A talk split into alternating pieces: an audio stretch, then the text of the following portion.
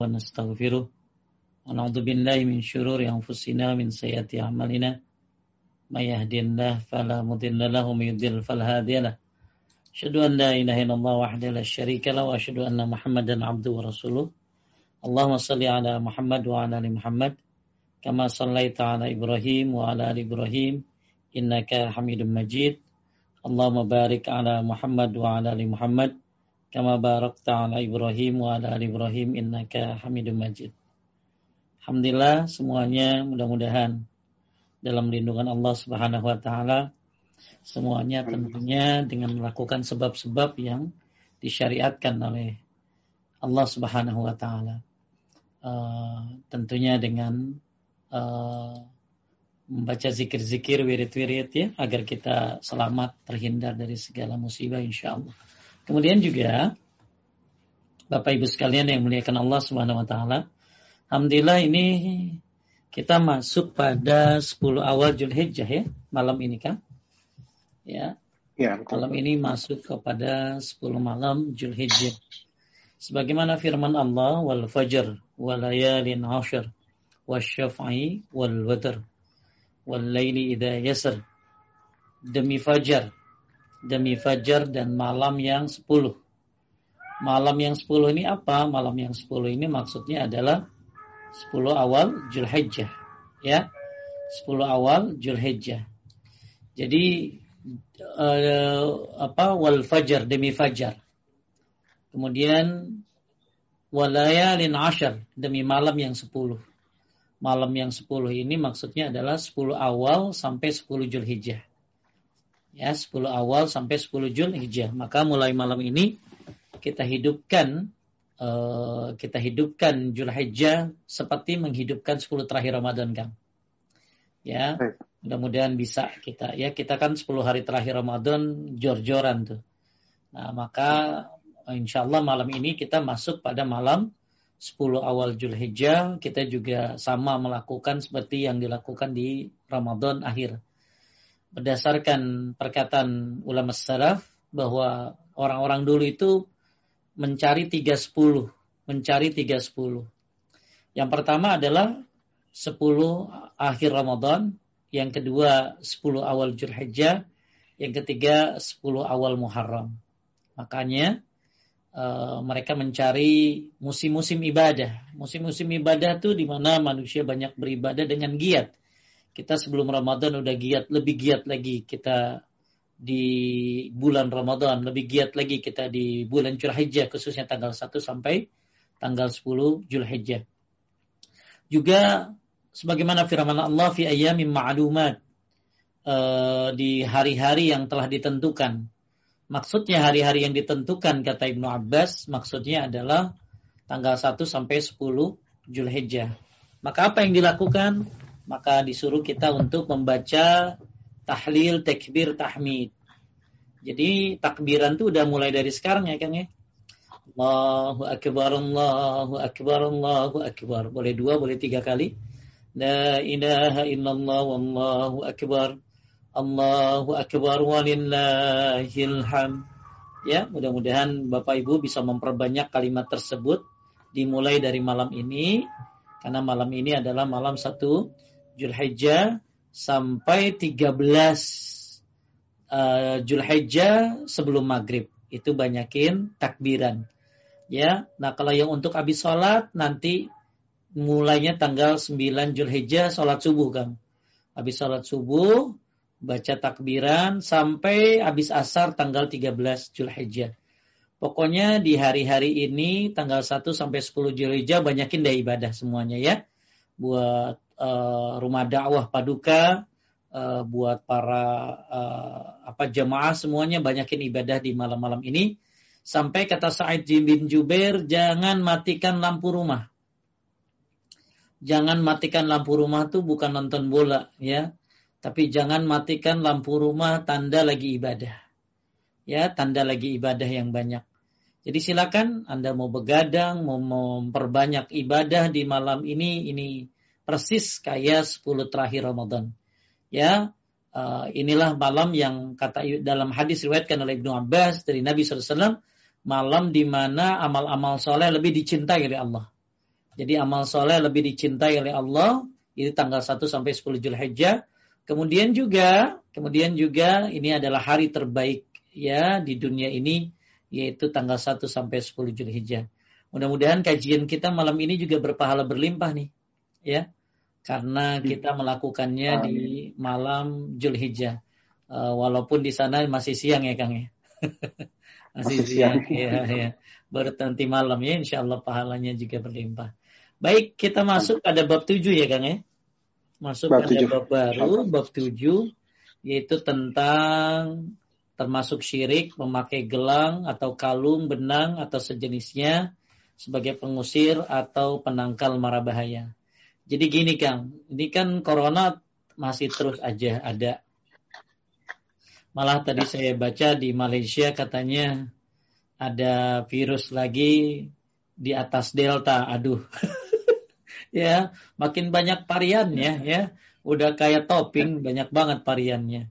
Ya, kita nggak tahu sampai kapan, tapi insya Allah ini akan segera berakhir Tentunya dengan berprasangka baik kepada Allah Subhanahu wa taala dan akhirnya bagi orang-orang yang tidak ngaji tauhid, mereka mencoba mencari penangkal-penangkal, Kang. Dan penangkalnya satu tidak syar'i, ya, tidak syar'i. Seperti sekarang lagi model Kang apa motong kambing untuk tolak bala, itu nggak boleh, Kang.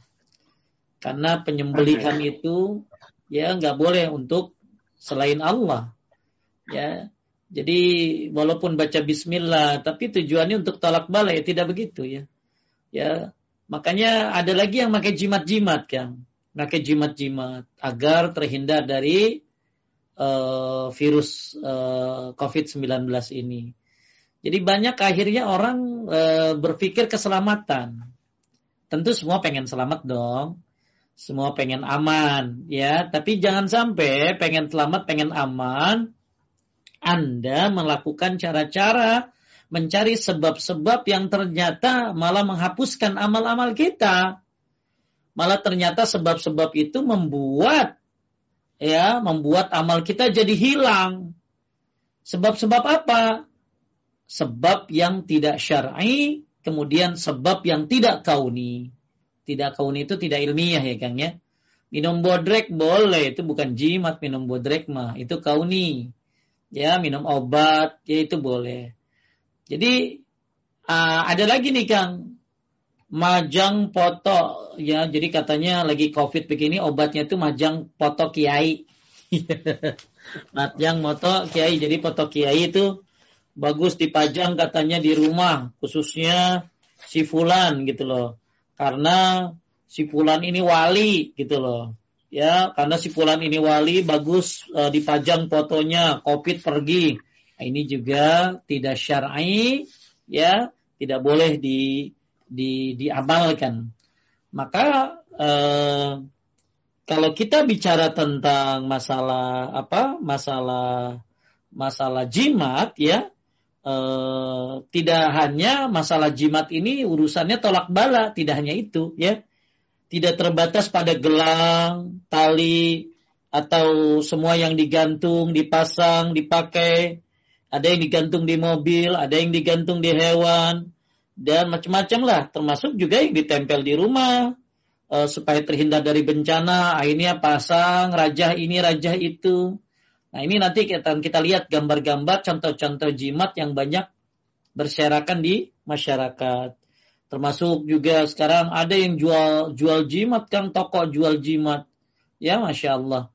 Uh, ini kita salah satu satu uh, kita ini krisis tauhid ya krisis tauhid sehingga salah satu sebab uh, datangnya musibah ya adalah karena kesyirikan ya termasuk juga uh, apa ya foto-foto uh, kiai syekh yang dipajang di rumah katanya tolak bala itu nggak syar'i tidak juga kauni. Maka ini kita akan bahas pada bab ini tentang uh, termasuk syirik, memakai kalung, benang atau sejenisnya sebagai pengusir, penangkal mara bahaya. Saya akan share screen pembahasan kita. Nah, ini dia. Kelihatan kan? Yang Rashid kelihatan? Kelihatan, kelihatan, kelihatan. Kurang gede nggak? Saya gedein. Eh, Daily. Oh ini ada saya ada bukunya Ustaz. Ya, ya Boleh dibacain Kang. Baik.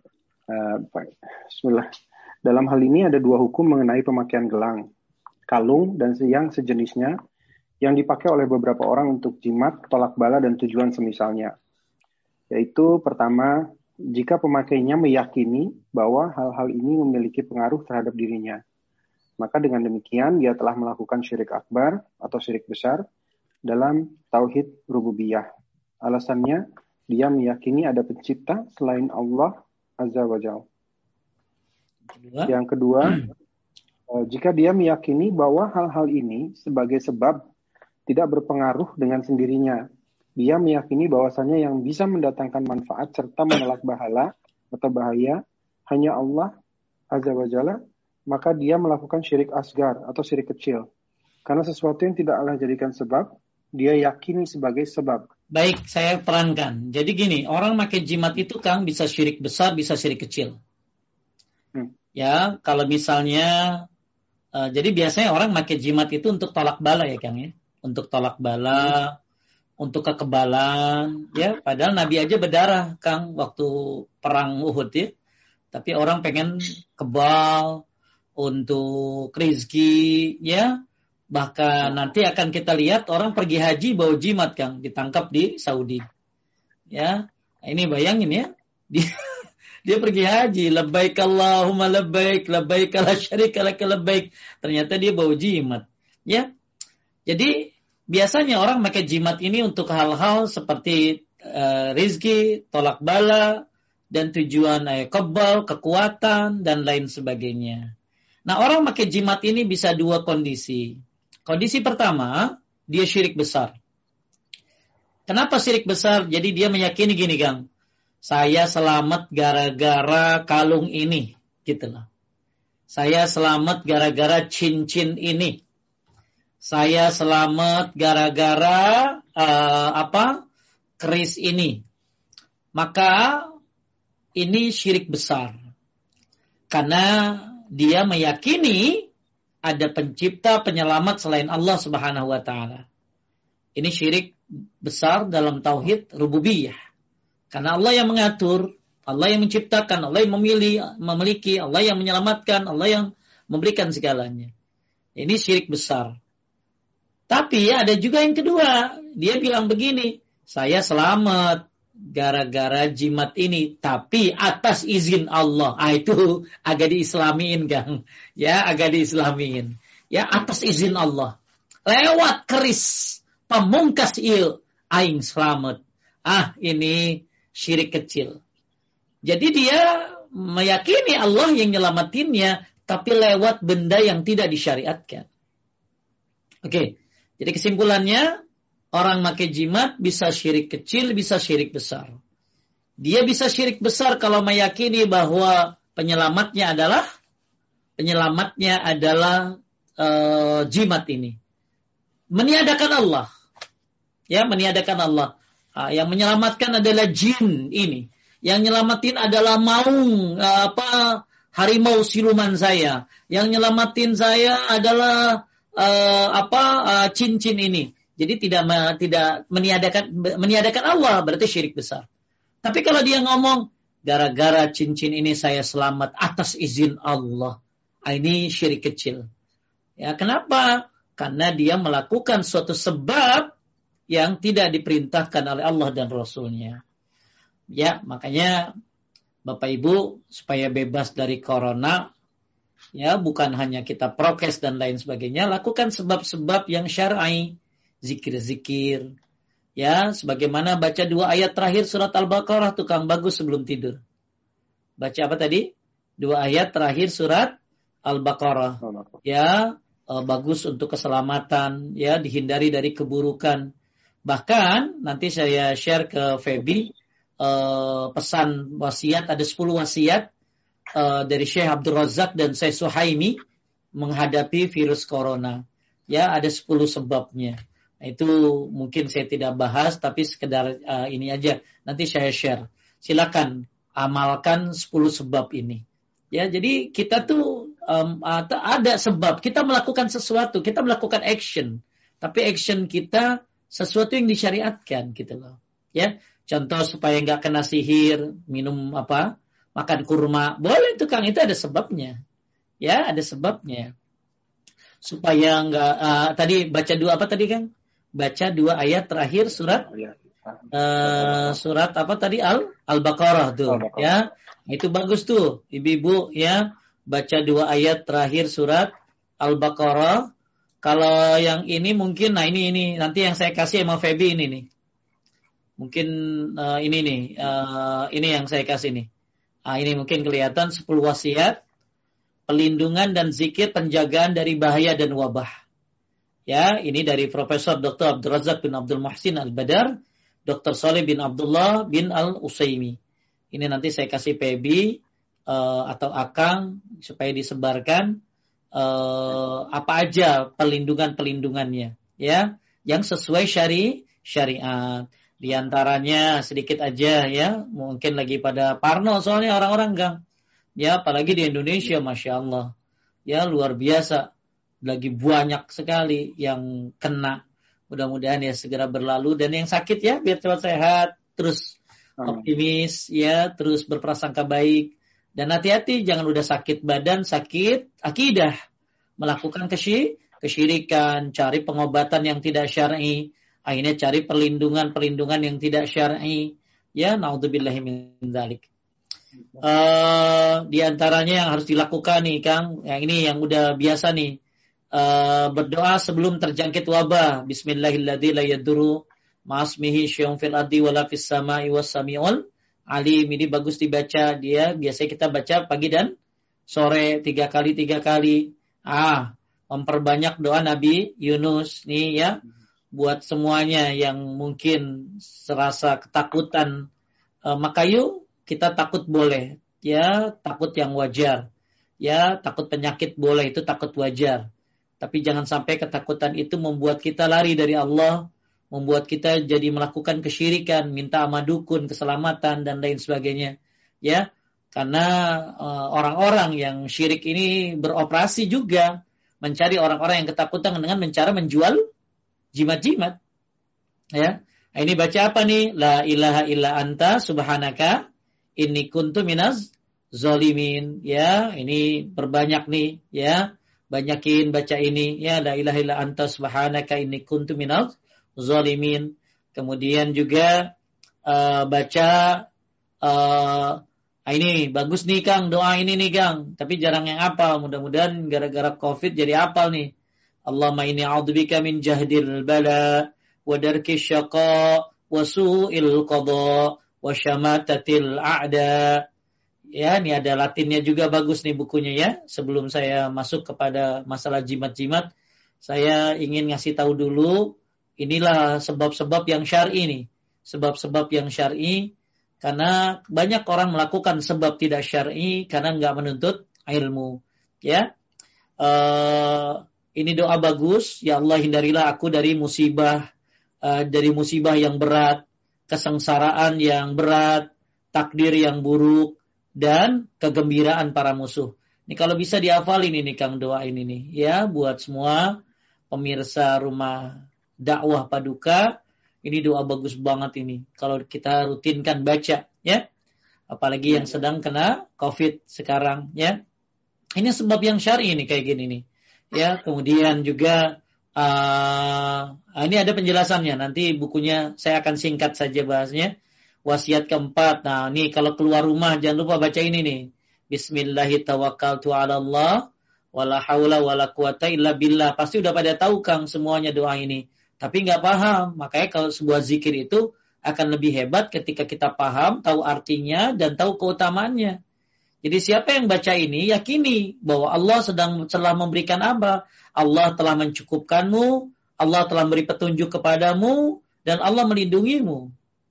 Makanya setan akan bilang begini sama orang yang baca doa tadi. Bagaimana mungkin kamu bisa menyesatkan? Bagaimana mungkin kamu bisa menyesatkan orang yang telah mendapatkan petunjuk, dicukupi, dan dilindungi. Tuh.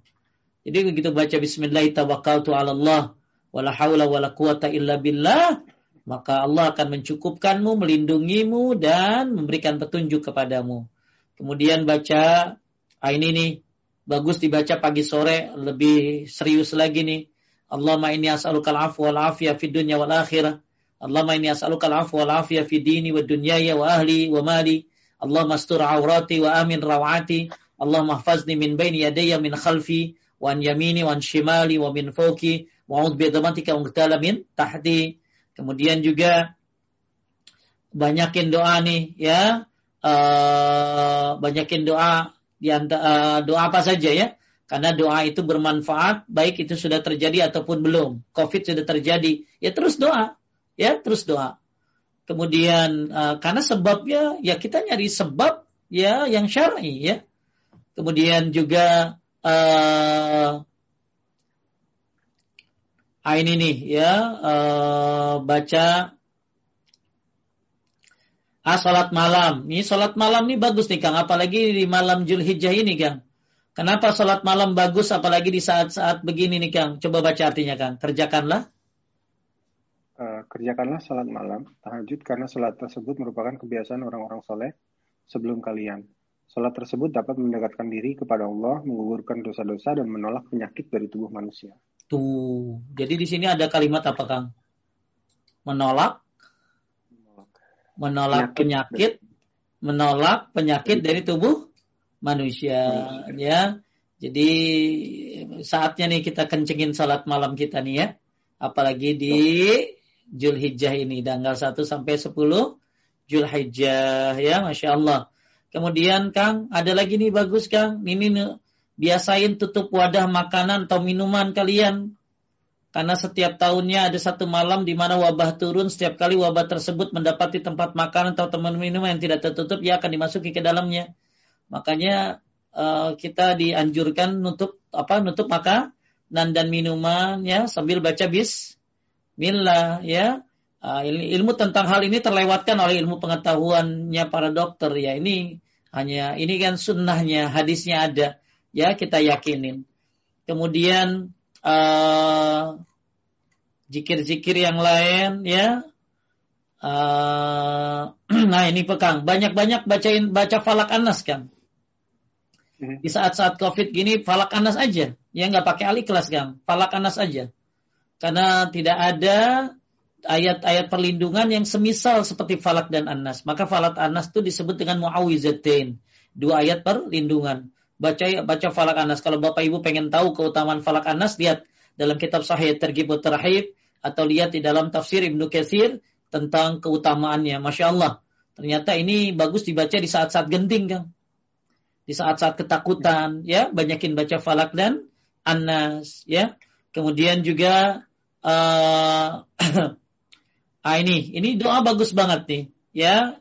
Ini doa bagus banget ya Allahumma inni a'udzubika minal baros wal junun wal juzam wa sayil askam ya Allah hindarilah aku dari apa? Ya Allah keberlindung kepadamu dari penyakit belang penyakit gila kusta. Nah ini dia yang terakhir nih. Dari segala penyakit mengerikan lainnya. Termasuk covid. Ya kita minta kepada Allah. Ya, akan udah hafal doa ini? Belum. Nah insyaallah jadi hafal nih. Ya uh, Iya, nah masya Allah ya. Ada jamaah kita yang biasa ngaji kan, namanya Andri. Andrinya lagi kena COVID juga. Nah ibunya, ibunya baru meninggal nih kan. Ya, kena COVID juga ya. Uh, ya, saya minta doakan semuanya ya. Uh, mudah-mudahan Allah terima amal ibadahnya. Ya, Allah ampuni dosanya. Jadi Andre ini rajin ngaji kan. Masih ngaji nggak dia nih sekarang? Ya biasanya rajin banget dia ngaji uh, Andre. Andre ini uh, ibunya kena COVID kemudian uh, ibunya itu susah dapat rumah sakit kan ya. Kemudian ya. akhirnya dia nganter ini saya baru dapat berita ya baru dapat berita masuk ke WA jadi Allah alhamdulillah ala kulli hal segala puji bagi Allah atas segala keadaan. Jadi satu jamaah yang rajin ngaji paduka tuh Andre ya dia karena ibunya nggak ada yang nganterin kali kang. Ini dia masuk ke ICU ya pakai APD kan pakai APD pakai APD tapi ya tetap kena. Ya tetap kena uh, ya alhamdulillah orangnya sabar dan dia jadikan Quran sebagai obat. Alhamdulillah rajin baca Qurannya. Nah malam ini baru dapat berita ya dari temannya bahwa meninggal ibunya. Ya malam baru ini Kang. Ya baru aja nih. Ya baru mudah-mudahan ya tolong didoakan semuanya ya masya Allah mudah-mudahan Andrenya sehat Kemudian, ah ini juga bagus nih Kang. Allahumma inna a'udzubika min zawali ni'matik wa tawri afiatik fujati nikmatik wa jami'i sahatik. Boleh baca Kang artinya ya Allah?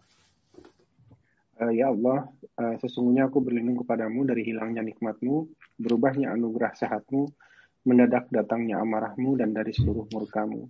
Tuh, ini minta supaya nikmat yang Allah kasih nggak hilang. Ya, kemudian tidak berubah nikmat yang Allah kasih ya mudah-mudahan nih. Jadi ya jalanin sebab lah ya hati-hati ya sebab-sebabnya tidak syari. Nah, ini sebab syari. Malah orang yang lemah itu orang yang nggak berdoa. Maka kita terus berdoa, khususnya dengan doa-doa perlindungan di saat-saat seperti ini. Kemudian Allah merahmati arju falatakini ila nafsi terfatain wa silai sya'ni kullu la ilaha anta. Ya. Nah, ini juga la ilaha azimul halim, la ilaha rabbul ashir azim, la ilaha rabbus samawati wal rabbul ashir karim. Banyaklah doa-doa perlindungan yang insya Allah uh, ini nanti saya akan kirim ke Febi, mudah-mudahan bisa disebarkan dan mudah-mudahan ini jadi jadi bukan hanya jadi pahala Kang, jadi jadi penyelamat juga ya.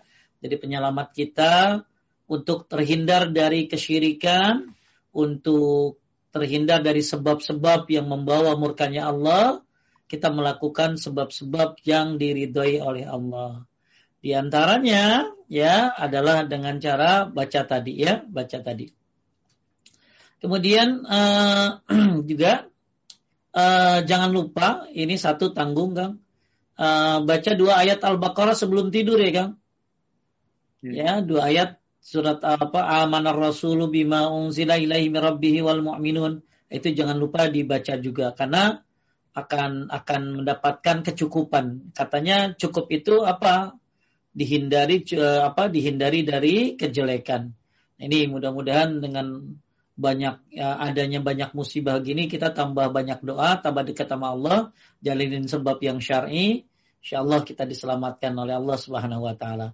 Kembali lagi kepada pembahasan kita. Jadi uh, jimat ini bisa menyebabkan biasanya jimat ini dipakai untuk tolak bala.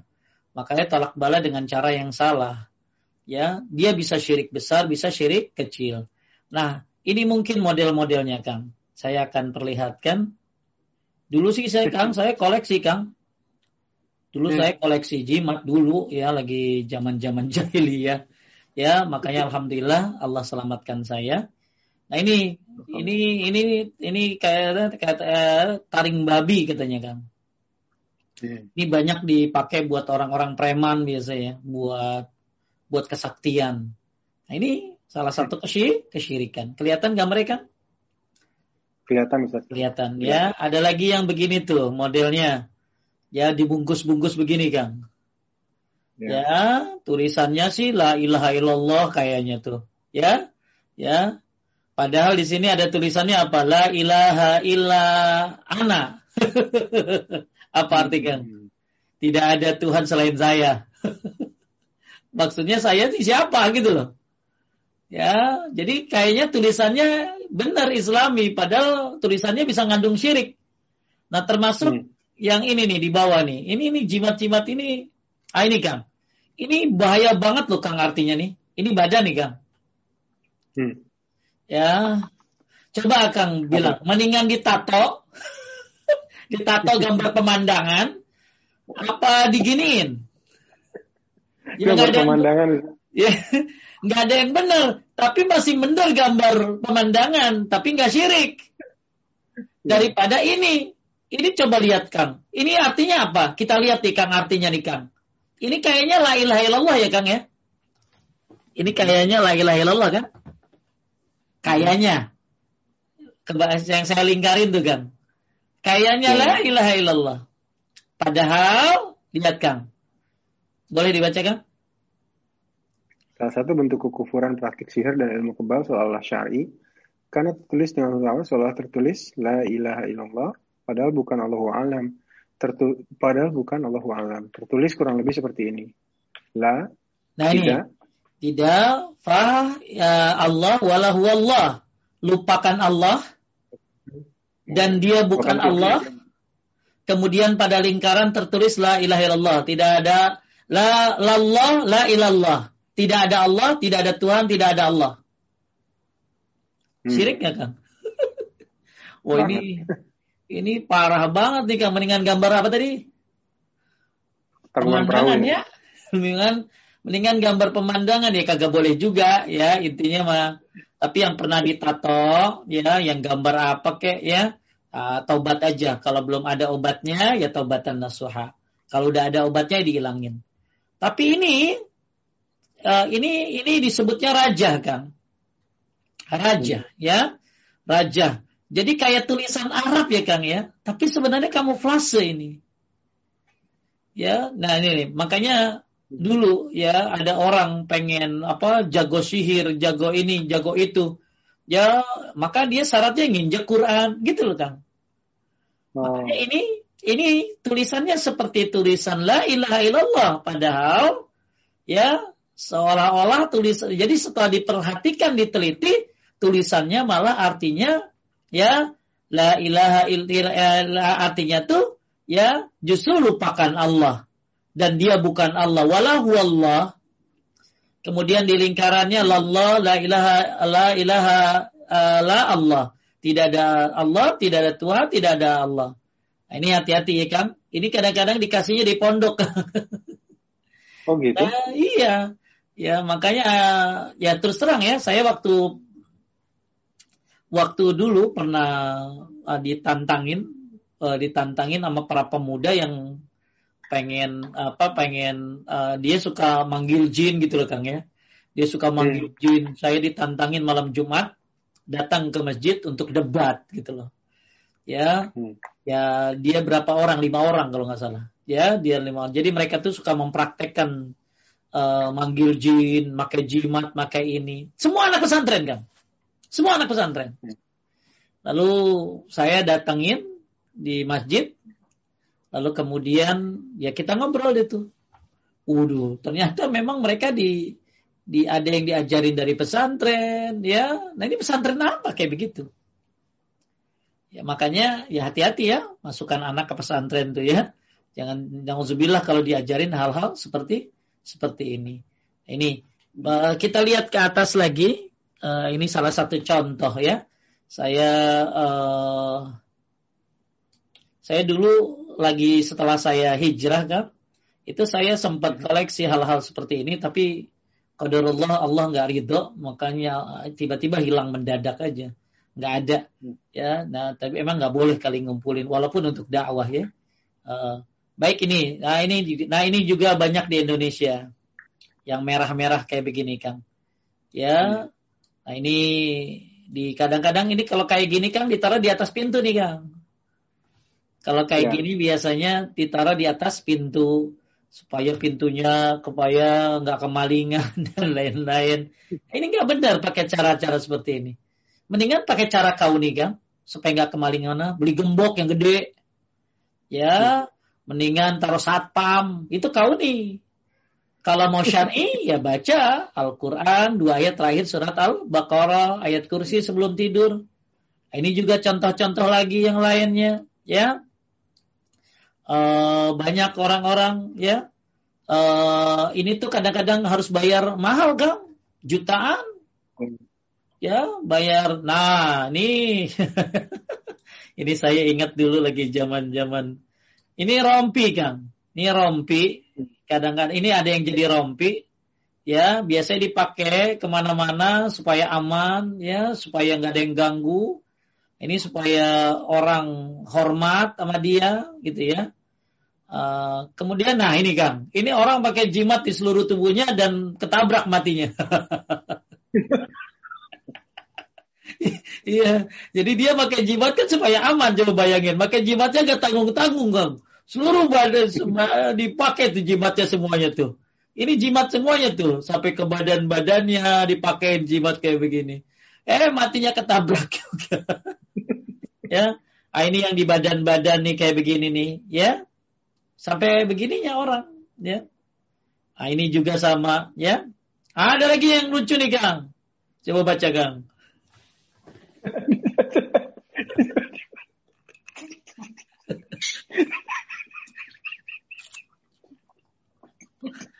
Jual jimat anti miskin. Rizki mengalir deras sampai tujuh turunan dijual karena butuh uang, sudah tiga hari tidak makan. Ya kalau memang bisa kaya ya buat dia aja tuh. Ya sampai dijual butuh uang katanya. B, B, BU butuh uang. Nah, ini masya Allah ya. Ini termasuk ke udah miskin ya. Masya Allah celaka lagi naudzubillah ya. Nah ini yang lagi rame nih termasuk ini nih Kang. Nih ini Kang, nih ada bambu sebelah ini Kang. Ini ada bambu sebelah. Ini sampai ada ada situsnya nih. Sampai ini disebutnya bambu apa sih? Jadi katanya bambu yang punya cabang begini dicari miliaran, Kang. Ini bambu begini nih, bambu begini kalau memang aslinya katanya, ya, aslinya uh, ada bambu yang begini, ini sampai miliaran dijualnya, Kang. Bambu begini ya, buat apa? Ya buat ini, buat itu, buat rizki, buat kesehatan dan lain sebagainya. Bambu begini mah bagusnya buat beledugan kalau di kita mah beledugan ya. Beledugan teh apa buat ya buat kalau ah, ini buat kentongan bagus.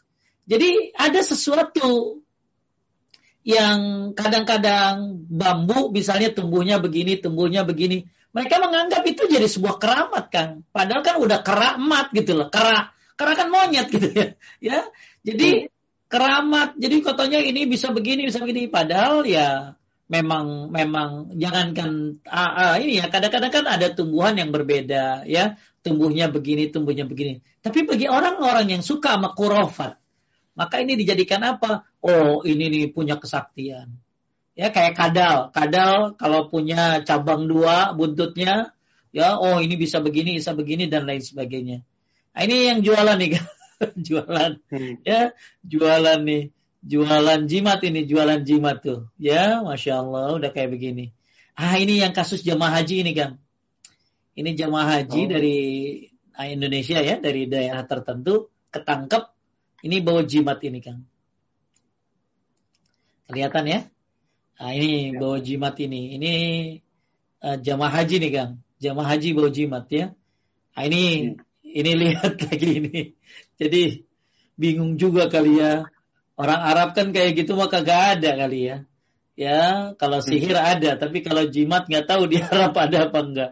Nah, ini banyak orang-orang uh, ada jimat-jimat yang ketangkep katanya. Ya, yang saya hmm. baca dari dari beritanya. Nah, ini toko-toko penjualnya nih Kang, penjualnya ini, toko-toko penjual jimat kayak begini. Hmm. Nah, kalau yang ditempel di dinding yang banyak di masyarakat ini kan, Hmm. Ini banyak dijual di toko-toko frame. Ya, nah ini termasuk nih, ya termasuk raja kayak begini.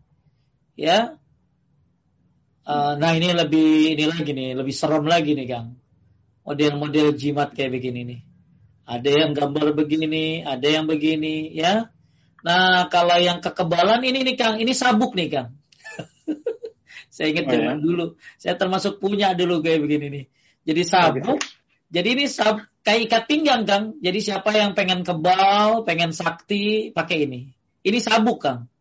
Ya, sabuk biar kebal.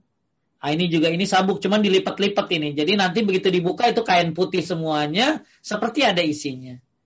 Ya, nah, Allah alam. Nah, ini contoh-contoh hal-hal yang tersebar khususnya di negeri Indonesia. Maka tugas para ustadz masih banyak banget kan? Ya, masih banyak banget.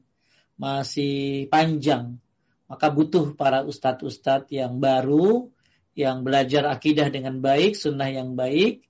Maka alhamdulillah ya, sekarang udah banyak pesantren-pesantren sunnah ya, baik yang buat ekonomi menengah ke atas atau ke bawah. Mudah-mudahan makin berkembang, makin banyak tapi eh, yang sekolah di sekolah-sekolah sunnah ya belum tentu jadi ustadz. Kadang-kadang 300 orang yang kelulusan ya yang jadi ustadz cuma lima kadang-kadang. Ya, Makanya ya butuh motivasi dari orang tua. Baik, kita akan masuk kepada uh, ayatnya, ya ayatnya. A'udzubillahi minasyaitonirrajim. Qul afara'aytum ma tad'una min dunillahi in aradani Allah bidhurrin hal hunna kashifatu dhurrihi aw aradani birahmatin hal hunna mumsikatu rahmatihi Kul hasbiyallah alaihi yatawakkalul mutawakkilun. Artinya kan? Artinya katakanlah kalau begitu kabarkanlah kepadaku tentang apa yang kamu sembah selain Allah. Jika Allah hendak mendatangkan bencana kepadaku, apakah mereka mampu menghilangkan bencana itu? Atau jika Allah hendak memberi rahmat kepadaku, apakah mereka dapat mencegah rahmatnya? Katakanlah, cukuplah Allah bagiku, kepadanya lah orang-orang yang bertawakal berserah diri. Ya, ya. Kalau begitu katakanlah kalau begitu kabarkan kepada tentang apa yang kamu sembah selain Allah. Maksudnya berhala-berhala itu, apakah berhala itu bisa mendatangkan bencana? Ya, apakah bisa menghilangkan bencana? Ya, maka eh, kalau kita lihat di, di penjelasan syarah ini, ya, Allah Ta'ala baraka wa ta'ala memerintahkan Nabi Muhammad sallallahu alaihi wasallam untuk menanyakan pada kaum musyrikin dengan pertanyaan pengingkaran atas berhala-berhala mereka yang mereka sembah. Ya, sebagai tandingan Allah, apakah mereka mampu memberi manfaat dan menolak bahaya? Jadi berhala-berhala itu apakah bisa mampu memberikan manfaat dan menolak bahaya?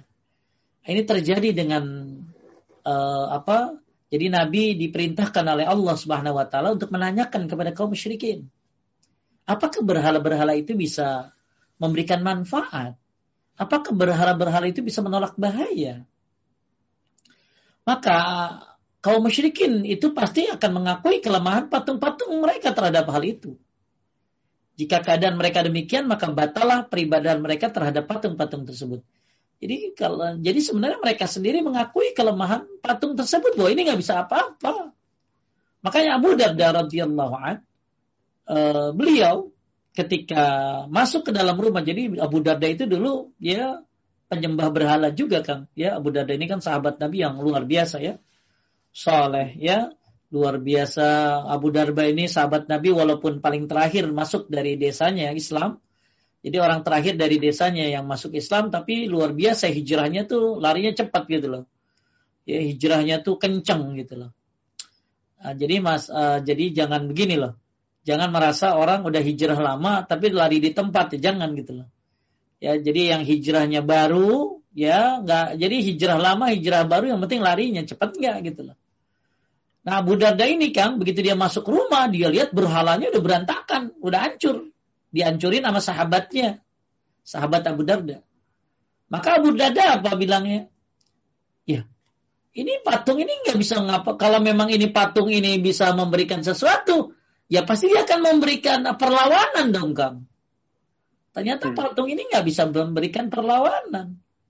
Sampai-sampai ini kejadiannya akhirnya besoknya lagi kejadiannya tuh patungnya dibawa ke mana Kang? Ke tempat sampah.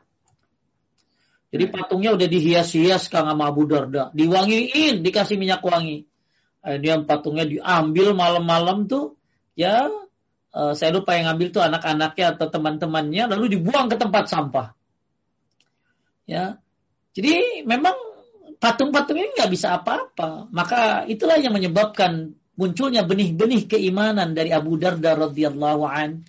Ya, sehingga akhirnya dia masuk Islam. Karena yang disembah selain Allah Subhanahu wa taala, mereka tuh lemah gitu lah. Bahkan tidak bisa uh, membuat sarang laba-laba yang paling lemah. Bahkan tidak bisa membuat apa pun yang paling kecil. Bahkan mereka nggak bisa nyelamatin diri sendiri. Maka buat apa minta kepada yang lemah? Buat apa minta sama kuburan orang-orang mati? Bah, ada kang orang sakit, ya minta sembuh sama kuburan. Padahal yang dikubur dulu matinya juga sakit. Ya buat apa minta ya syirik ya gitu kan. Mereka minta uh, kepada kuburan, kepada wali-wali yang sudah mati. Mereka sedang mencari jalan menuju Allah. Buat apa minta kepada orang yang mencari jalan? Kita minta kepada Allah Subhanahu wa taala yang bisa memberikan memberikan kemanfaatan dan Allah pun yang bisa memberikan segala kemudaratan. Ya, makanya kaum musyrikin itu ya mengakui bahwa berhala-berhala itu lemah, nggak bisa apa-apa, maka batalah penyembahan penyembahan mereka sebenarnya. Tapi masalahnya, kenapa mereka nggak sadar-sadar gitu loh? Karena mungkin nasihat yang diberikan oleh Nabi Shallallahu Alaihi Wasallam bertolak belakang dengan nafsunya. Yang kedua, mereka berprasangka buruk kepada kepada orang yang memberikan nasihat. Yang ketiga, mereka sudah menjadikan kebiasaan. Oh ini kan tradisi, oh ini kan warisan nenek moyang, ya harus dilestarikan. Ya kalau memang budayanya bagus, tidak tidak melanggar syariat, diterusin. Kalau melanggar syariat, ya jangan diterusin. Ya, tadi kemarin saya lihat sebuah budaya untuk terhindar dari wabah corona, mereka bawa boneka, Kang, kayak pakai pocong begitu dikeliling-keliling diarak-arak. Ya supaya terhindar dari covid dan eh, lakukanlah dengan cara-cara yang syar'i. Atau lakukanlah dengan cara-cara yang kauni. Kauni itu apa? Ya minum vitamin ya kan ya apalagi minum herbal yang banyak vitaminnya ya lihat eh, dokter-dokter yang herbal kan sudah banyak ada ya yang kita kenal siapa Zaidul Akbar ya Zidul Akbar ya bikin ramuan-ramuan di saat COVID nih ini ini. Ah itu kauni itu kayak begitu tuh. nggak apa-apa itu. Ya atau minum apa minum apa atau vaksin dan lain sebagainya. Tapi kalau Anda mencari keselamatan dari bahaya dengan cara-cara satu yang tidak kauni misalnya. Tidak kauni itu apa? Ya tidak kauni ya berarti tidak ilmiah. Tidak ada penelitiannya ya atau dengan cara-cara yang tidak syar'i bahkan syirik itu dengan pakai jimat-jimat ya baik kita lihat bagaimana sikap Nabi terhadap orang yang pakai jimat ikam oke nih ini sikap Nabi ketika orang yang pakai jimat boleh Kang baca dari Uqbah dari Uqbah bin Amir al-Juhani bahwasanya Rasulullah Shallallahu Alaihi Wasallam didatangi oleh sejumlah orang. Maka Rasulullah Shallallahu Alaihi Wasallam membaiat sembilan orang. Kemudian tidak membaiat satu orang. Maka para sahabat bertanya, wahai Rasulullah, Anda membaiat sembilan orang, namun meninggalkan satu orang ini. Lalu Nabi bersabda, ia memakai jimat. Kemudian beliau memasukkan tangannya untuk memutuskan jimat tersebut, lalu membaiatnya. Kemudian Nabi bersabda, Barang siapa yang memakai jimat, ia telah berbuat kesyirikan. Jadi Nabi nggak mau membaiat orang yang memakai apa kan? Jimat. jimat. Masya Allah ya.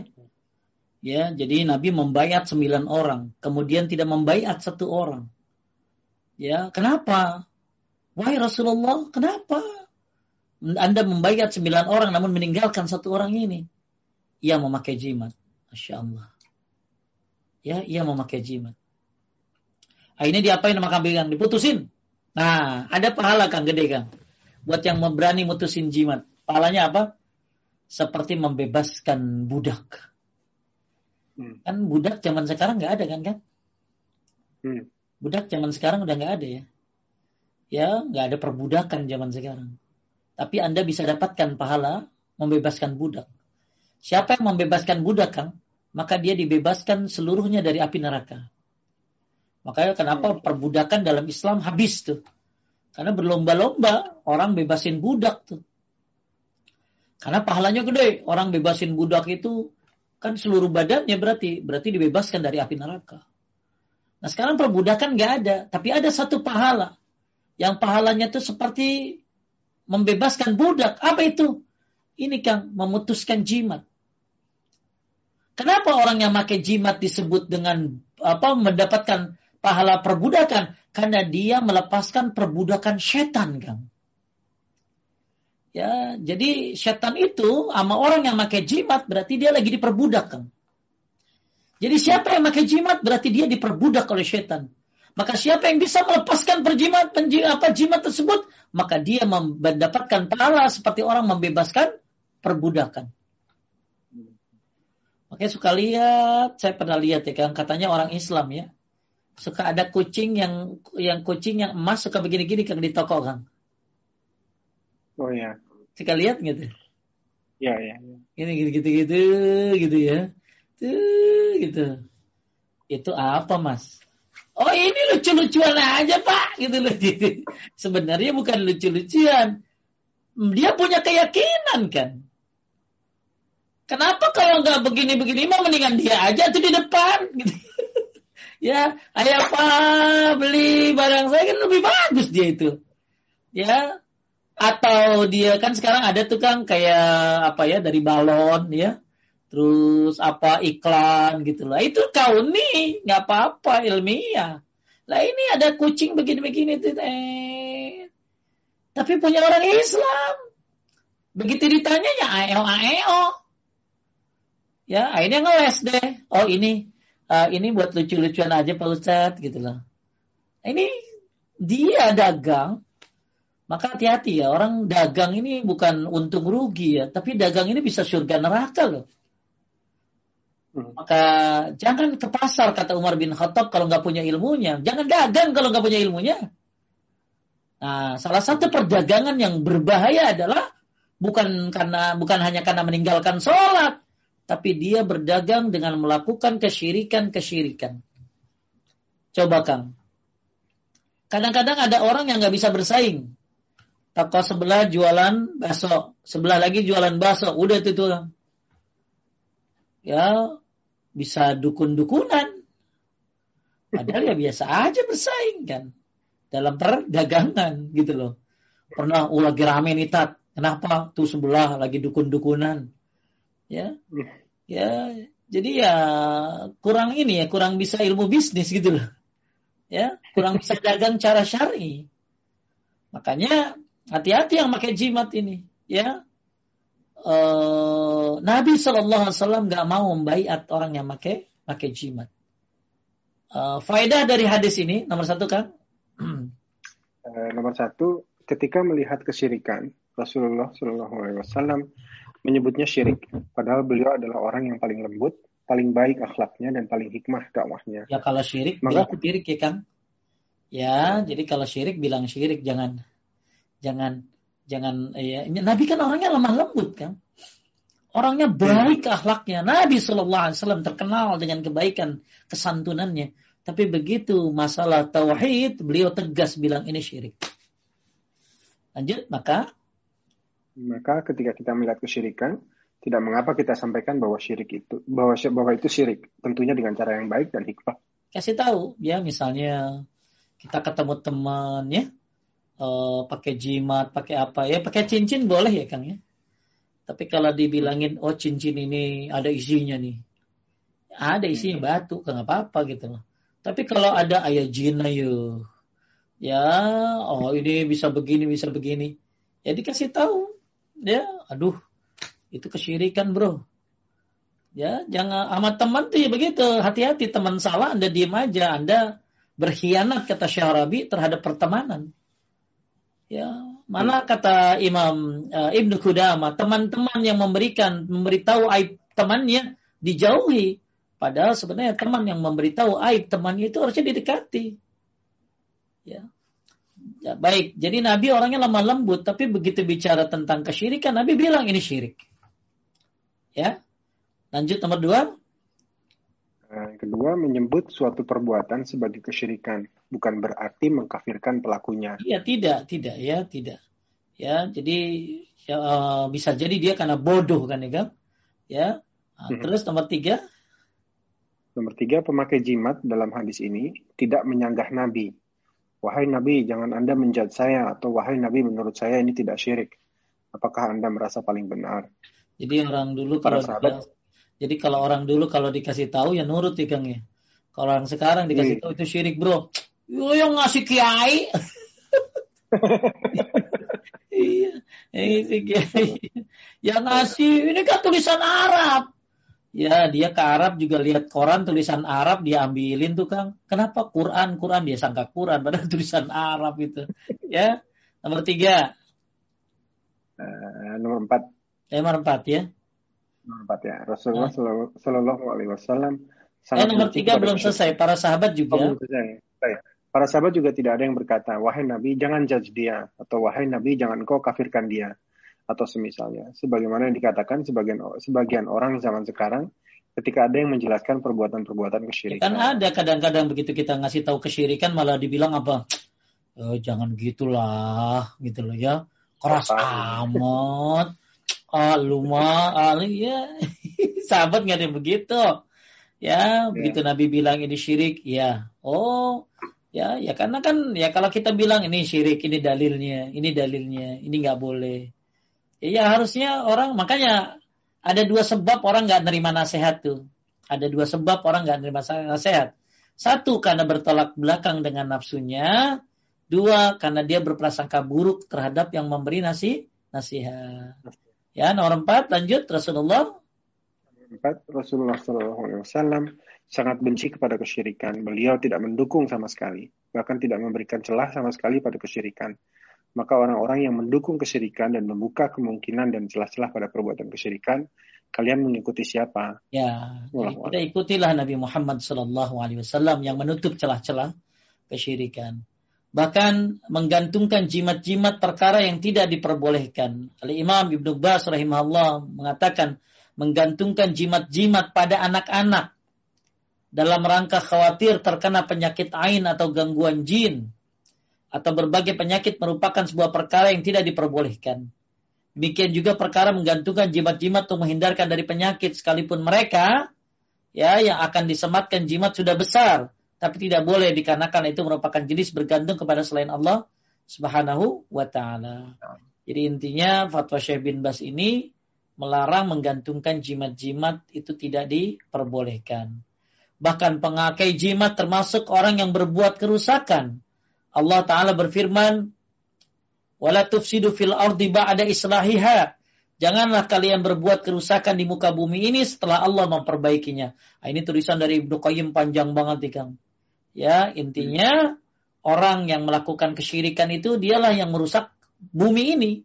Kalau kita bicara tentang kerusakan bumi kan bicaranya kan apa Kang? Oh banjir sebabnya ini, ya kan?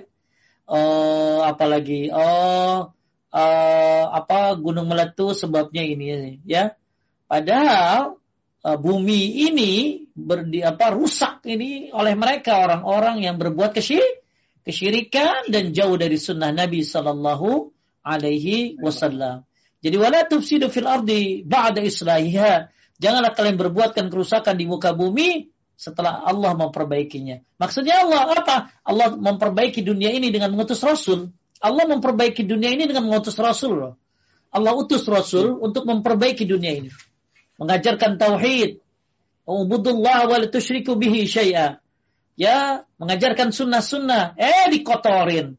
Ya, makanya yang bicara bicara pengotoran alam ini bukan hanya bicara nebang pohon, bukan hanya bicara sampah, banjir gara-gara sampah dan lain sebagainya, tapi bicara kerusakan bumi ini juga berbicara tentang kerusakan tauhid. Ya, hmm. berbicara tentang jauhnya mereka dari tauhid dan jauhnya dari sunnah Rasulullah Shallallahu Alaihi Wasallam.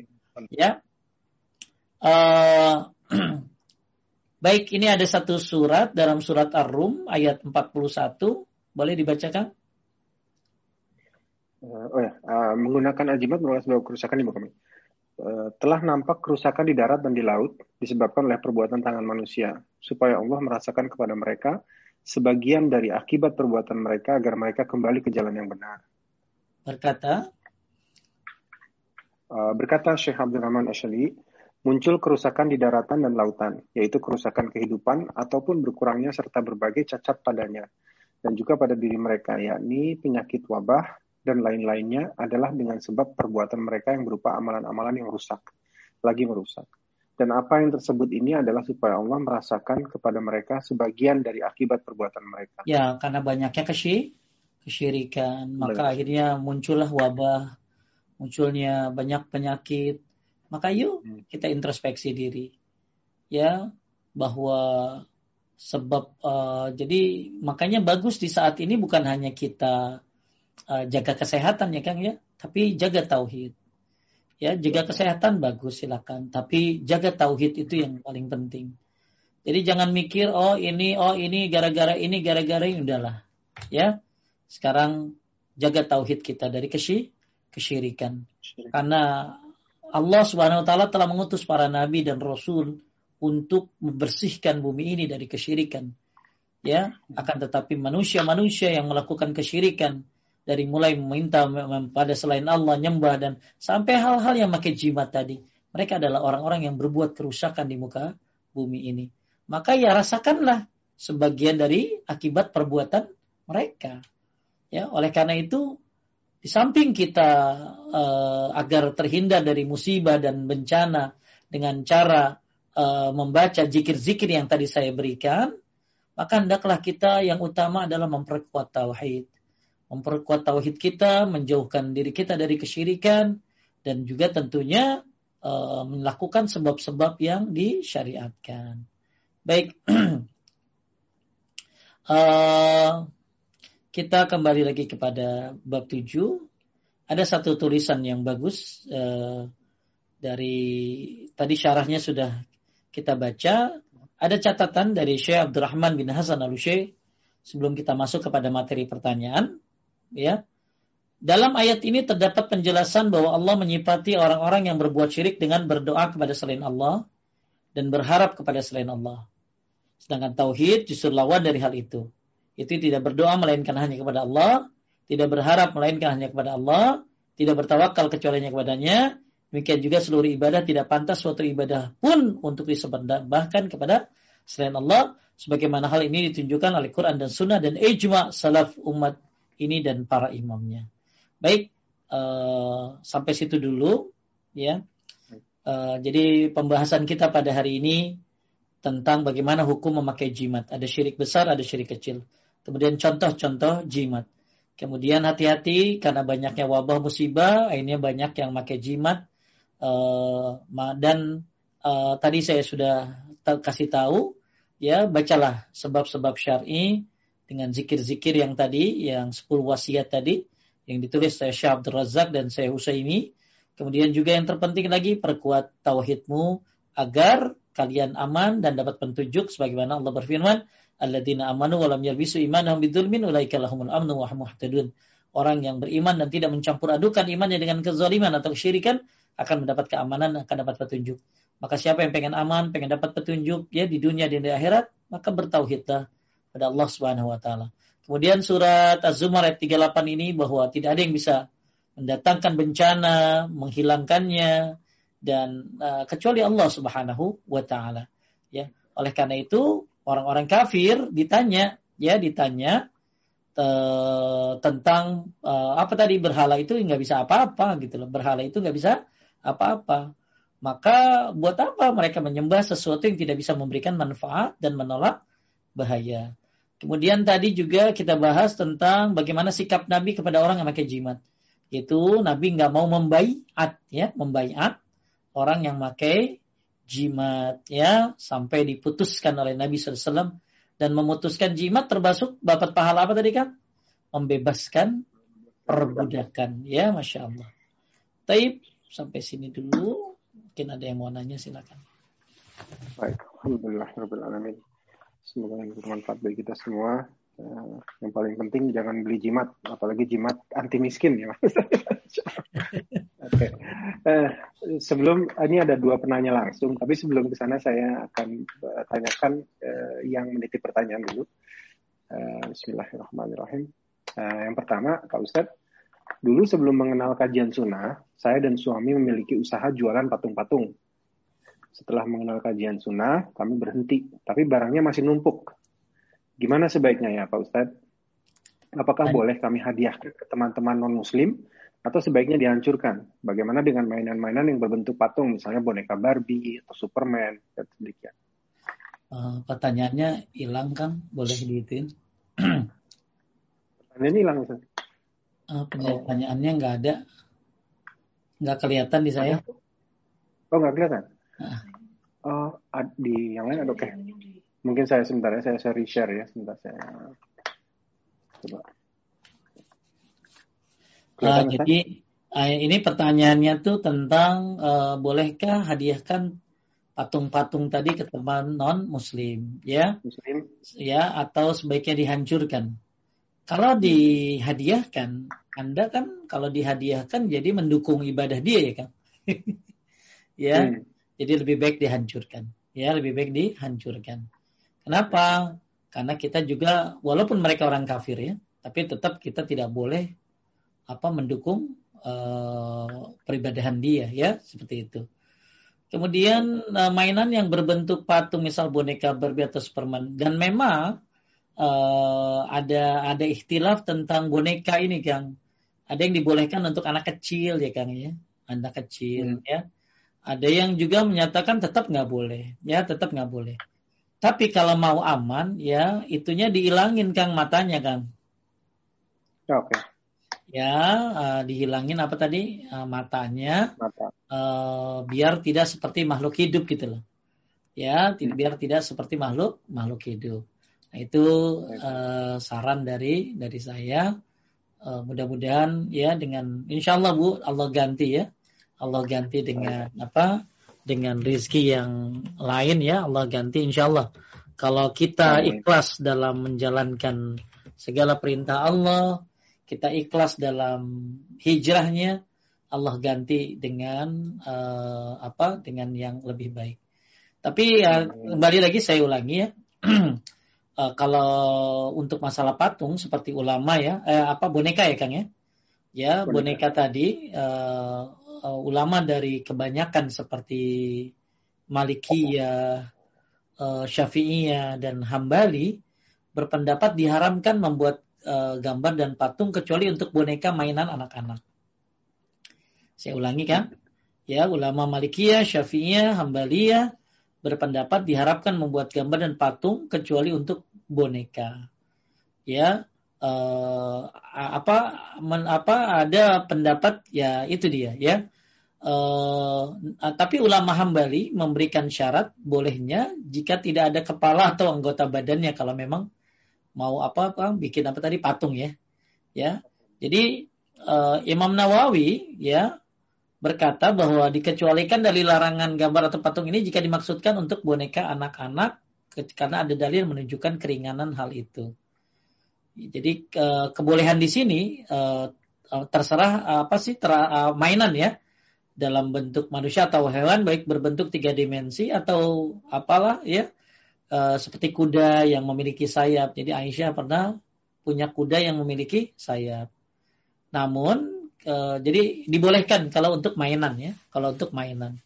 Tapi uh, tapi di di pendapat ulama Hambali itu ada syaratnya kalau nggak ada kepala atau nggak ada badannya tidak sempurna. Ya, jadi kayak jangan kayak makhluk bernyawa aja gitu. Sedangkan ulama lainnya tidak mempersyaratkan. Jadi Kan tadi saya bilang Malikiyah, Syafi'iyah, dan Hambali membolehkan untuk mainan. Untuk mainan anak-anak. Tapi kalau ulama Hambali ngasih syarat lain. Kalau yang lainnya nggak ngasih syarat. ya Itu. Karena Aisyah pernah punya apa tadi? Mainan ya, uh, kuda apa tadi bersayap. Jadi ada yang uh, apa? Ada yang apa? Ada yang bolehin, ada yang enggak. Ada yang bolehin untuk mainan saja, tapi yang lainnya ada juga yang berpendapat tetap nggak boleh. Ya, wallahu a'lam. Lanjut. Baik. Baik, saya lanjut ke penanya langsung Pak Sofian Hadi. Oh, satu lagi Kang. Punten. Oh, okay. Dan mainan oh. tadi itu niatnya tuh ada apa ada niatnya ya? Niatnya itu ada ada ada ada pendidikan gitu kan? Oh, okay. Jadi jadi kalau misalnya apa mainan tadi, jadi ulama Syafi'iyah, Malikiyah dan Hambali tadi kan bolehin ya. Ya, kalau ya. Uh, mainan ya uh, asalkan mainan itu lebih bagus lagi untuk apa tadi pendi di, pendidikan. untuk pendi pendidikan ya untuk pendidikan Allahu a'lam lanjut baik uh, Pak Sofian Hadi silakan Pak Iya, Bismillah. Assalamualaikum warahmatullahi wabarakatuh, Ustaz. Assalamualaikum warahmatullahi wabarakatuh, Pak Kabar, Hadi. Alhamdulillah, baik. Uh, jazakallah atas waktunya, Ustaz. Bismillah. Uh, sering kita melihat uh, kenyataan di masyarakat uh, yang sudah terkontaminasi dengan keyakinan yang syubhat atau menyerempet kepada kesyirikan. Mm-hmm. Tapi karena yang menyampaikannya itu dengan label ustadz, mm-hmm. kiai atau apa pun namanya, maka orang mengatakan ketika kita menolak, kita disebut dengan wahabilah, salafi dan sebagainya. Hmm. Pertanyaan saya cuma satu, bagaimana kita menyikapi penentangan tersebut? Jazakallah khair Ustaz. Iya. Uh, mudah-mudahan Pak Abdul Hadi ya Allah berikan. Sofian. Uh, Sofian, mudah-mudahan semangat terus menuntut ilmu ya, Insya Allah. Uh, kembali lagi, sebagaimana Nabi Shallallahu Alaihi Wasallam memiliki tugas dua, Bashir dan Nazir. Bashir adalah memberikan kabar gembira, Nazir adalah memberikan peringatan. Itu tugas kita dulu. Jadi kita itu kasih kabar gembira tentang hidayah, tentang surga, bebas dari syirik itu apa apa hadiahnya, apa apa apa prestisnya dari Allah dan lain sebagainya. Bashir Berikan basyir itu kabar gembira. Kemudian nazir peringatan.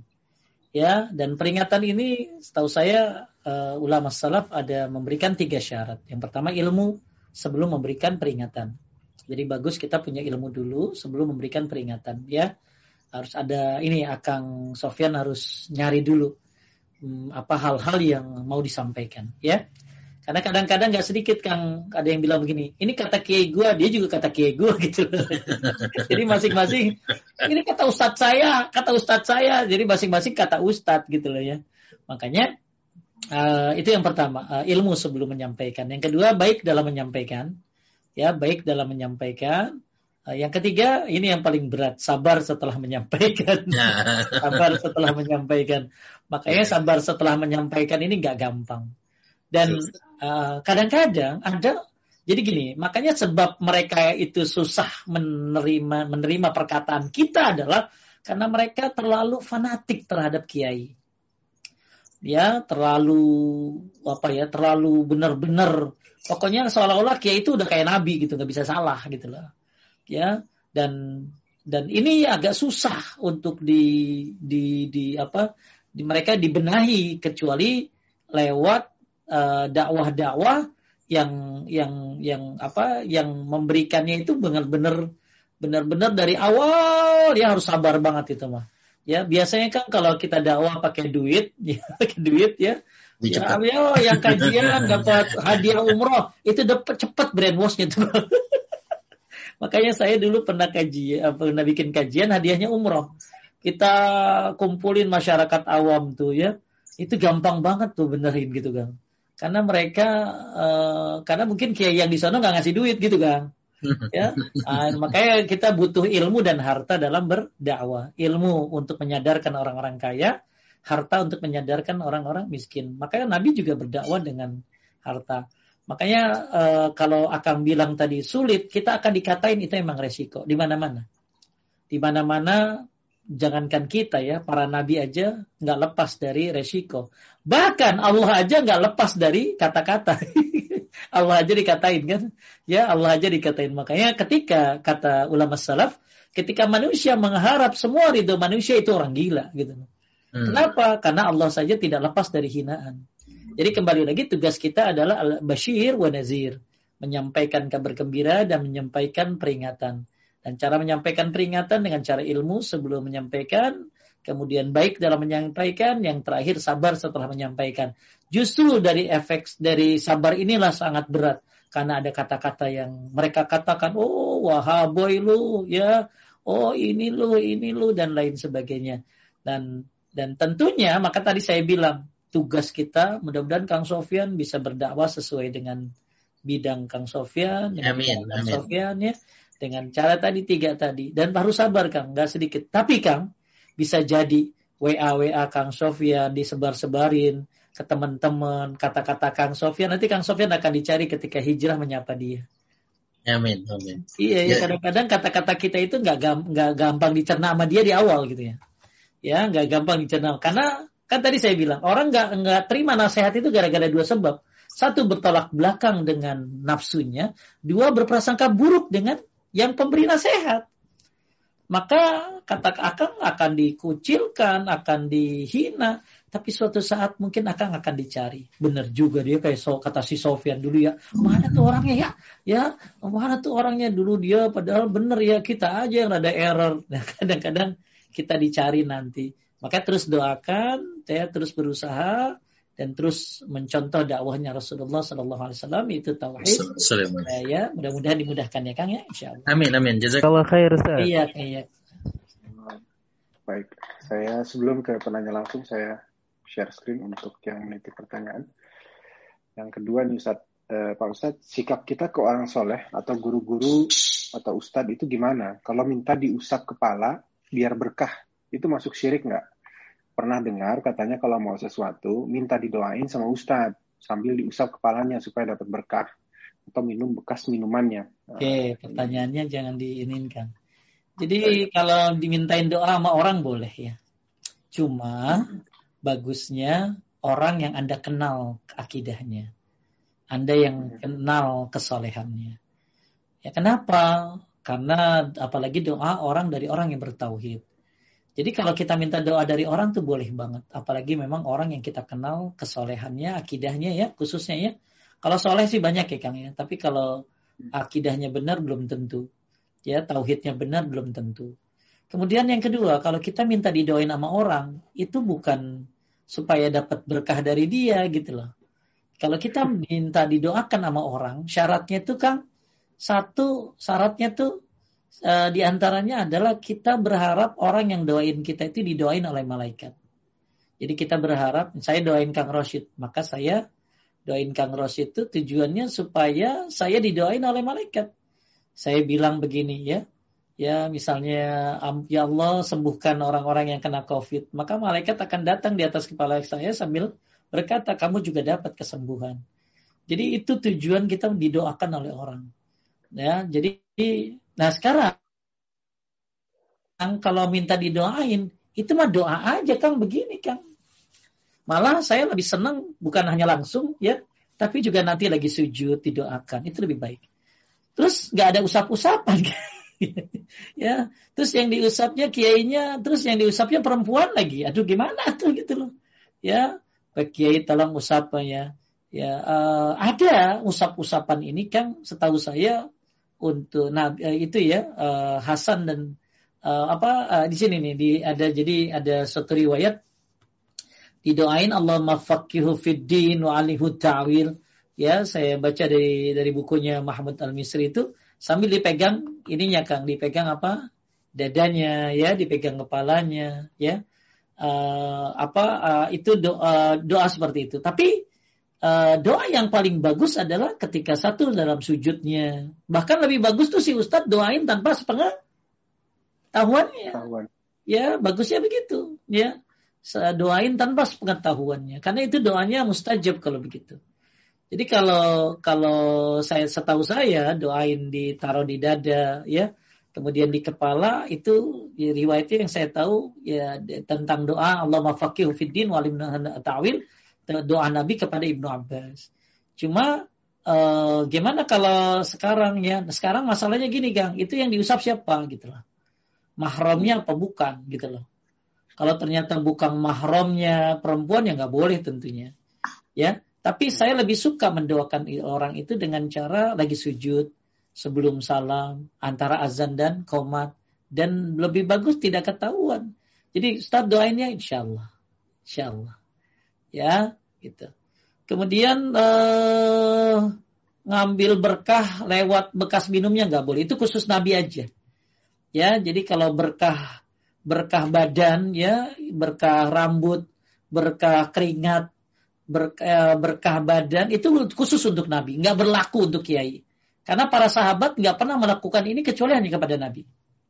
Jadi para, saya ulangi, para sahabat tidak pernah Abu Bakar kan udah dijamin surga, tidak pernah uh, Abu Bakar diambil berkah jenggotnya, diambil berkah apa uh, ludahnya, jigongnya nggak pernah. Ya, mana itu khusus untuk Nabi. Jadi uh, untuk pertanyaan uh, bolehkah minum bekas kiai? Jangan, apalagi hari gini ya, apalagi di batuk-batuk. Jangan ya, takutnya nanti ketularan.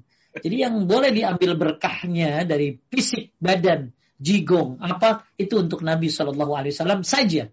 Tidak juga dengan para sahabatnya, tidak Abu Bakar, Umar, Utsman dan Ali, tidak. Ya, uh, nah gimana Abu Bakar, Umar dan Ali aja nggak begitu?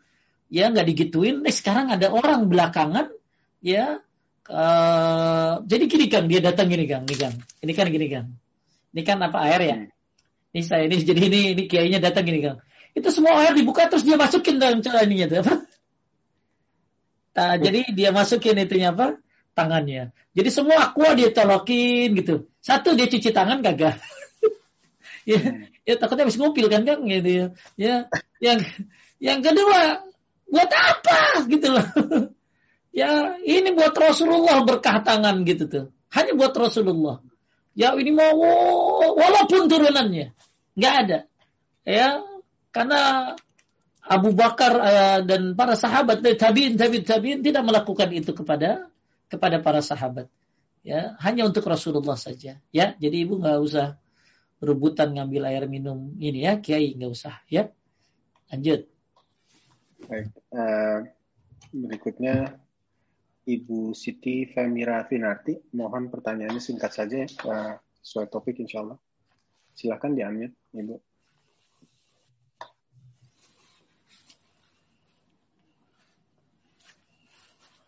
Ibu Siti Femira Finarti. Silakan di unmute. Oh, mungkin belum bisa. Baik, saya lanjut ke. Nggak saya lanjut ke uh, Ibu, ya Mbak Sofi nih kelihatannya Mbak Sofi juga ada pertanyaan ya. Silakan di unmute, silakan Mbak Sofi. Dari UK juga nih kalau saya. Uh, Mbak Sofi, nah ada. Eh, kepencet lagi malah, sorry. Silakan Mbak Sofi, di unmute lagi. Nah, Assalamualaikum warahmatullahi wabarakatuh Ustaz. Assalamualaikum warahmatullahi wabarakatuh. Apa kabar Teh Ais? Alhamdulillah baik. Di UK manggilnya Ais juga. Ya, ayah, ada yang panggil bukan. Ais, ada yang panggil Sofi. Oh, bukan Ais gitu kan ah, Inggris. Ini ya. so, enggak, enggak. Iya, ini Ustadz, uh, aduh mohon maaf lahir batin kalau apa salah Iya, gini, saya punya rumah di Bali, ya. Dari tahu udah lama. Nah, rumah itu dibangun, dibangun sudah ada itu apa sih namanya patung, Ustadz. Hmm. Patung di rumah itu kalau di Bali kan Ustadz nggak usah saya jelaskan banyak mengerti ya. Di sana yeah. ada patung. Jadi ah. rumah saya itu ada patung dua ya. Ada ada dua rumah, dua-duanya ada patung dibangun Nah kata dia sih memang udah di situ bangun, cuman saya tidak tinggal di situ gitu loh. Ustaz saya tidak tinggal di situ, cuman disewakan gitu. Usaha lah kita ngomong usaha itu aja Ustaz. Ya bagusnya sih patungnya di di dibongkar. Nah lo dibongkar kan punya ibu nggak masalah kan? Maksudnya gimana punten? Dibongkar patungnya, dihilangin. Oh, kalau kita ke sana gitu. Iyalah, nggak usah suka sana nyuruh tukang. Ya, teis emang bisa ngancurin. Jadi teis oh, nyuruh yang tinggal di sana saudara. Iya. Apa, atau ilangin palanya teh. Ih, oh ilangin pala. Bukan pak, itu bukannya patung. Mohon maaf, itu bukan patung. Saya lupa deh itu nah. seperti apa ya? Seperti apa gitu? Uh, waduh, saya lupa. Seperti untuk untuk sesajen itu. Apa sih Pak Rasid? Apa sih what you call gitu? Ya. Saya lupa. Tidak ada patung, tapi dia itu orang-orang Bali yang tinggal di situ itu. Maksudnya kalau saya di, memang disewakan terus, alhamdulillah gitu ya. Nah. nah, jadi dia kasih bunga itu loh, Ustadz ke situ. Orang-orang bukannya saya, orang yang tinggal di situ semuanya gitu. Mereka percaya kata anut-anut Bali gitu loh. Oh. Bukannya patung apa gitu saya lupa nggak tahu nah, namanya itu. saya teh kagak tahu. Itu seperti apa parasit punten apa ya parasit ya? Lupa. Ya. namanya parasit. Uh, jadi kalau misalnya ya oke okay, gini iya pokoknya orang Bali deh kalau Ustadz ya. lihat punten kayak orang Bali jadi dia pagi setiap pagi aja mereka kasih gitu loh. Jadi katanya orang itu biar aman yang tinggal kontak di rumah saya gitu oh, loh Pak Ustadz tapi tapi saya tidak ya Cuman kata orang Bali ya saya kalau saya ke situ ya sholat, saya pun sholat masing-masing aja beda. Itu hanya untuk orang karena memang saya tidak tinggal di sana, Ustadz. Iya, gitu. kontrakannya kapan habisnya? kontrakannya nggak tahu deh itu belum habis. Nah, nanti kalau habis sempum sebelum sebelum ada orang lagi dibuang aja itunya. Itu kan kayak kayak iya, kebiasaan mereka Pokoknya ada orang Bali ya. Nyiapin sesuatu buat sesajen, ya, ya kan? Iya. Ini pernah ya. ada cerita nih teh, ada pernah ada cerita ya. Ada bapak-bapak punya patung ya di depan rumahnya. Akhirnya anaknya udah ngaji, aduh gimana cara ngatur ngancurin patungnya. Akhirnya mereka tuh main bola teh, main bola, terus begitu bolanya dekat patung itu disikat pakai bola gitu loh. Akhirnya kan begitu aduh patungnya kena bola hancur. Eh nggak marah yang punya gitu ya karena kena bola bukan dihancurin gitu. Maksud saya ya pakai cara untuk cara menghilangkannya. Jadi iya. kalau saran saya sih nah itu kayak gitu ya kang. Kayak gini ya? Nah ya. itu dia sebentar deh. Mana tuh siapa yang punya? Saya lupa deh Gak apa ya namanya? Ya, kayak gini. ada ya Mas Raid Mas Raid punya gambarnya ya. Saya saya lupa ya. banget beneran ini kayak Nah, iya. Oh iya, tapi kecil. Ini mah besar banget. Itu mah namanya pura. Kalau ini kecil, kecil gitu loh, di ujung rumah. Ya tapi intinya. Ya benar mirip. Ah, kalau nggak ada kayak gituan, kalau nggak ada gituan nggak masalah kan? Bukan, bukan begitu, bukan beda di ujung di. Kata saya Teis, kalau nggak ya. ada kalau nggak ada gituan nggak masalah kan buat Teis? Sa saya, Nah itu dia saya bingung kak saya. Nah kan gini maksud saya teis, jangan mm -hmm. takut. Jadi gini, kalau teis nggak yeah. nggak uh, oh percaya terus kalau nanti saya ilangin itu nggak laku itu ya nggak boleh. Bukan, bukan itu katanya. Enggak, mohon maaf saya jadi jawab. Bukan itu maksudnya tidak. Saya sama Allah aja percaya seribu persen wah lebih gitu ya rezeki dari Allah. Hmm. sudah ada petak-petakan. Cuman ini kata orang Bali karena memang udah di situ dulunya gitu ya. Nah itu katanya itu tuh buat orang itu yang tinggal di situ katanya aman itu katanya iya. gitu. Katanya itu, orang situ ya orang Bali bukan kata saya gitu. Makanya, jadi yang orang maaf supaya... nih setan-setan yang di luar nggak masuk katanya ke iya. situ katanya. Ya. udah saya sekarang jawab. Iya iya maaf maaf Jadi sekarang tugas teis itu jangan ikutin perkataan mereka harusnya gitu ya. Jadi teis bagus sekarang kan teis yakin rezeki dari Allah pasti ya. Amin. Nah, kalau teis dengerin begitu, ngikutin mereka, berarti mereka teis mempercayai perkataan mereka gitu loh.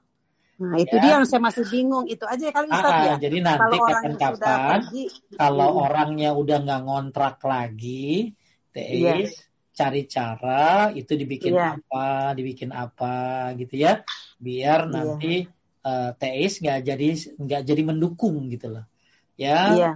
uh, nggak mendukung uh, acara mereka nggak mendukung kebiasaan salah mereka tapi nanti mungkin kalau takut jadi beban nanti takutnya jadi ribut buat yang nungguin nanti kalau udah selesai kontrakannya misalnya Teis bisa mm -hmm. cari cara suruh orang untuk bikin sesuatu yang me, kayaknya kayak pokoknya meniadakan tapi dengan cara dibikin apa kolom atau apa seperti itu biar mm -hmm. kita tidak dianggap ta'awun menolong gitu ya tidak yeah. dianggap dan dia kalau butuh rumah pasti datang pak kayak teh ya yeah, kalau yeah. butuh rumahnya oh ini apalagi maaf ya kayak orang-orang bule ya pernah percaya kayak gituan kagak ya benar benar, nah, benar kenapa orang kita percaya orang bule aja kagak kan? iya oh saya bingung tuh makanya kadang-kadang saya tuh bingung juga ya, kadang-kadang udah tulisin aja, aja gitu. ini kontrakan khusus orang bule gitu loh biar ya biar nggak jadi ribet nggak jadi ribut gitu ya. Yeah. Nah, insya Allah Baik. tadi tapi saran saya harus dihilangkan. Nah, tinggal nanti yeah. kapan setelah kontrakannya selesai, ya dihilangin deh. Ya, rizki kan tadi teis yakin. Makanya keyakinan teis akan rizki itu dibarengi dengan tadi ya, oh ini nggak bener nih. Itu kan nyakitin Allah kayak begitu teh. Ya, maksudnya menyirik apa mensyirikan Allah gitu ya, menyekutukan menyekutukan Allah ya. Makanya teis jangan sampai rumah itu jadi nggak berkah teh justru. Ya, justru rumah itu jadi ngundang kesyirikan. Naudzubillah. Maka teh Ais hancurkan. Ya, mungkin ya. mudah-mudahan dimudahkan ya Teh. Amin, amin, amin. Allah ya. Mohon jazakallah khairan sehat ya. terus. Baik. Uh, saya uh, saya ulangi lagi Ibu Siti Famira, silakan di unmute. Mungkin saya lanjutkan ke pertanyaan berikutnya. Uh, pertanyaan nomor tiga ini yang ketiga ini ada dua pertanyaan ada dua pertanyaan. Uh, assalamualaikum Ustaz Afwan ada dua pertanyaan. Pertama akhir-akhir ini banyak sekali dijual gelang dan kalung untuk kesehatan. Bagaimana hukumnya memakai gelang dan kalung kesehatan itu Ustaz lalu jika kita sudah menjalankan puasa Daud apakah boleh puasa dari tanggal 1 sampai 9 Zulhijjah? Kalau Ustaz jadi untuk yang gelang, kalung yang memang ada penelitiannya Kang ya, kauni ya, ilmiah. Ada penelitiannya, ada sertifikatnya, ada apa sih kesaksian apa namanya Kang? Testimoni dari dokter. Ya, dari orang-orang yang memang ahli itu nggak apa-apa Kang. Ya, kayak sekarang kan ada ya kan gelang itu ada inframerahnya, buat hmm. ngituin jantung, buat lancarin darah dan lain sebagainya itu boleh kayak begitu. Selama memang dia jadi mendingan itu. Jadi kalau akar sekarang gini Kang, gelang jelek, akar bahar, melingkar-melingkar, begitu dipakai juga gatel. Nah, itu oh ini bisa sehat, itu namanya syirik. Karena nggak ada syar'inya, nggak ada kauninya. Jadi kalau ada kalung kesehatan, cuman masalahnya gini loh hati-hati beli kalung kesehatan, gelang kesehatan, ternyata hanya artis yang jual gitu kan. Hmm. Jadi dia itu beli karena artis itu yang nawarin. Karena tertarik dengan public figurnya. Bukan karena harusnya dia teliti dulu. Ini apa kandungannya? Ini apa apa apa apa siapa dokter yang mendukungnya? Ya, uh, oh, uh, jadi dia harus lihat testimoni bukan orang-orang yang pakai, tapi ahli-ahli yang mengatakannya gitu loh. Oh ini terdapat magnet yang menyebabkan ini, jadi kalau dipakai magnetnya akan memberikan ini, ini, ini dan lain sebagainya. Setahu saya itu dibolehkan selama itu ada penelitian ilmiahnya, bukan bohong, ya, bukan hoax atau bukan yang tidak ada penelitian ilmiahnya. Jadi kalau ada penelitian ilmiahnya boleh, tapi hati-hati beli kayak gituan karena termakan iklan, ya termakan public figure. Jadi Anda harus teliti dulu itu benar nggak ada penelitiannya. Oh ternyata itu kayak kacamata aja Kang, ya kan kan? Ya kan kacamata kan, oh kacamata kenapa dipakai? Kan ada minnya, ada ininya, ada itunya dan lain sebagainya gitu loh, ya. Kemudian untuk puasa Daud, bolehkah puasa di tanggal 1 sampai 9? Boleh dong, malah Anda bisa niatin dua. Niat Julhijjah tanggal 1 misalnya puasa Nabi Daudnya besok Ahad kan ya. Sekalian Julhijjah Anda niat dua aja. Nanti Selasa Anda puasanya puasa sunnah Julhijjah kemudian tanggal 3 anda puasa Nabi Daud lagi plus Julhijjah gitu. Jadi Anda bisa dapat dua ya. Terus untuk uh, yang belum bayar hutang puasa itu bagus dibayar di bulan Julhijjah juga, Kang sebagaimana pendapat Umar bin Khattab radhiyallahu anhu dan Hasan al Basri. Jadi kan ibu-ibu yang belum bayar utang puasa bayar di bulan Zulhijjah bagus. Ya besok tuh bayar tuh sekalian niat utang puasa. Ya niatnya apa? Niatnya utang puasa gitu loh. Niatnya utang puasa. Ya, itu jadi yang belum bayar utang puasa. Ada lagi, Kang? Uh, ada. Oh, langsung ke pertanyaan titipan aja dulu uh, izin bertanya, Ustaz, apakah untuk orang-orang yang diceritakan tentang jimat-jimat itu lalu percayainya termasuk syirik, Ustaz? Oh iyalah, ya kalau Anda make terus mempercayainya ya sama tuh. Ya, hmm. jadi kita nggak boleh percaya gitu loh, ya. Jadi misalnya begini, nih, yo, yo teh, yo bisa begini, bisa begitu. Wah ini hebat ya orang make ini bisa kebal sama pisau, sama pisau, sama jarum enggak gitu loh ya dan lain-lain. Lalu oh ya kita percaya, enggak boleh. Sama aja dong begitu. ya antara yang gibah sama yang dengerin gitu loh. Yang dengerin ya enjoy, yang gibah juga enjoy. Jadi yang yang percaya yang melakukan kesyirikan, terus anda, anda diceritakan percaya nggak boleh anda percaya, ya. Jadi anda harus menolak mentah-mentah gitu loh. Kalau anda percaya, anda bisa saat suatu saat nanti akan melakukannya. Maka nggak boleh percaya mempercayai kesy kesyirikan. Ya, lanjut.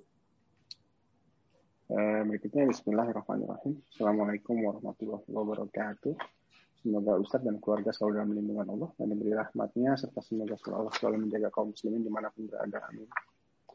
Izin bertanya, bagaimana cara sopan mengingatkan orang tua agar tidak menyinggung perasaan orang tua terkait patung yang dipasang di taman di taman rumah dan keris atau ayat Al-Quran, hewan yang diawetkan, foto keluarga yang dipajang di dalam rumah agar dibuang. Baik, ini dakwah orang buat orang tua ya. Ya, eh, bagaimana cara mengingatkan orang tua agar tidak menyinggung perasaan orang tua dan lain-lain tentang masalah kesalahan mereka ya. Yang pertama tentunya ya nasihati dengan lembut. Ya, kedua bagusnya nasihat itu Kang didahului dengan perbuatan baik Kang. Sambil ngasih hadiah uh, tas Hermes ya, sambil ngasih apa, pokoknya kesukaannya gitu loh. Kan tabiat manusia itu apa ya? Dia tuh cinta sama orang yang berbuat baik sama dia gitu loh. Jadi sambil ngasih sesuatu, sambil ih ah, ini gak bagus loh itu mi. Kan si ibunya tuh lagi senang gitu dapat hadiah. Jadi pertama tentu nasihatnya dengan baik. Kedua nasihat itu bagusnya didahului dengan kita yang berbuat baik duluan. Ingat kan, ketika kita banyak berbuat baik sama orang tua, kita biayain dia hidupnya, kita obatan pengobatannya, insya Allah gampang nurut kan, betul? Ya, ketika orang tua kita pedulikan, kita sayangi, kita sangat sayang sama dia. Bahkan kehidupannya kita penuhi. Ya, jangankan kehidupannya kita penuhi, kita ngomong baik aja sama dia. Kita sayang sama dia. Pokoknya kita nyawa, pokoknya sering berbuat baik sama dia, insya Allah gampang nurutnya kan. Ya, nah itu. Ya, jadi hendaklah. Jadi gini loh, jangan sampai kita ngasih nasihat padahal kita nggak berbuat baik sama dia. Jadi hendaklah nasihat Anda itu didahului dengan perbuatan baik kepada orang tua. Atau tadi ya jadi Anda berbuat jadi Anda harus berbuat baik terus. Nanti begitu nasihatin gampang orang tua tuh. Kenapa? Anaknya yang baik yang ngasih tahu. Duh, ini Kang anak udah nyusahin. Ya, ngeluh mulu. Nasihatin lagi. Ah, kepret itu mah. Ya, kenapa? Ya dia, ya dia nggak ada baktinya gitu loh. Kemudian bagus nih, lebih bagus lagi ya. Nih orang tua nih Kang. Nih, ajak ke majlis taklim Kang. Ajak ke majlis taklim. Makanya ada ibu-ibu yang ikut kajian kan, kajian saya tentang tauhid. Eh, tujuannya ya supaya saya nyampaikan tentang tauhid. Nah itu kan si si ibu itu kan dengerin aja. Kalau dengerin, eh, kan kita ini butuh orang lain loh untuk nasehatin kita, betul nggak? Saya dinasehati nama istri sama anak mungkin nggak bisa, tapi kalau dinasehati nama teman-teman saya bisa karena orang butuh orang lain gitu. Ya orang tua dinasihati nama anak nggak bisa, tapi begitu dengerin Ustadz ngomong bisa percaya kang dia, benar benar benar gitu loh. Ya nah, itu maka ajaklah ibunya apa tadi sholat uh, ajaklah menuntut ilmu.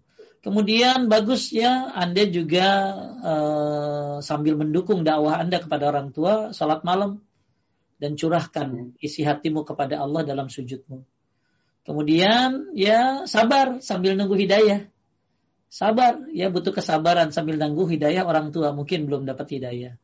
Kemudian kalau bisa juga uh, pilih waktu yang tepat untuk nasihatin orang tua itu. Jangan lagi sibuk, jangan lagi marah, lagi nggak punya duit. Ya, jadi bagus cari waktu yang tepat. Ya, Kemudian juga uh, nasihatin orang tua tuh bagusnya rahasia kan. Rahasia, jangan terang-terangan ya. Kemudian, nah ini lagi ini, bagus nih. Mintakan kepada orang soleh untuk mendoakannya. Mintakan kepada orang soleh untuk mendoakan siapa tadi orang? Orang tua. Kemudian apalagi Pak Ustadz kalau bisa kasih artikel-artikel buku-buku bagus tentang tentang masalah itu ya tentang tauhid ya, tentang apa bagus kasih buku-bukunya atau kasih tulisan-tulisannya ya. Kemudian ada lagi poin yang selanjutnya yang cara nasihatin orang tua tuh, ajak ziarah. Ajak ziarah ke kuburan. Sekali-kali ajak ziarah ke kuburan untuk mengingat kemar kematian dan biasanya orang kalau ingat mati jadi lembut hatinya. Kemudian uh, terakhir minta bantuan dari orang lain yang mungkin sama tuanya, sama tuanya, ya atau bibinya atau pamannya yang yang yang bisa menasehatinya. Ya, banyak sih Kang trik-triknya ya untuk nasehatin orang tua. Jadi saya, saya lebih suka kita banyak berbuat baik dulu, baru nasehatin itu lebih mudah. Ya, cari waktunya, apalagi sambil ngasih hadi, hadiah. Ya, mami ini mas batangan ini buat mami ya satu kilo. Ya, oh, mami itu jangan begitulah patung bayi. Oh, yuk, yuk, ancurin aja. Insya Allah. Ya, ya atau nggak usah ngasih hadiah gede-gede, yang penting bikin dia senang, ya senang deh insya Allah. Mudah-mudahan dimudahkan ya, Bu ya. Lanjut. Semoga dimudahkan baik. Uh, Mbak Yani dari Amsterdam silahkan di unmute. Uh, Assalamualaikum uh, Pak Ustadz, Pak Rafid. Terima kasih. Halo? Iya, Teh. Silakan, Teh Yani. Ya. Uh, Mbak Dia naroskan. Um, ini tadi Cianjur apa di Amsterdam? Pak Ustadz, Kenapa? Uh, Barengkan uh, gaduh putra, tapi ini seneng ngumpulin boneka-boneka uh, pengpop itu loh, kayak Dragon Ball. Lucu-lucu emang bonekanya, saya juga seneng sih. Tapi jadi ini cuma untuk koleksi, seneng aja ngoleksi di rumah gitu. Dia dia seneng Dragon Ball, uh, misalnya spesial edisi gitu-gitu. Jadi untuk untuk ngumpulin aja, ngumpulin boneka-boneka gitu.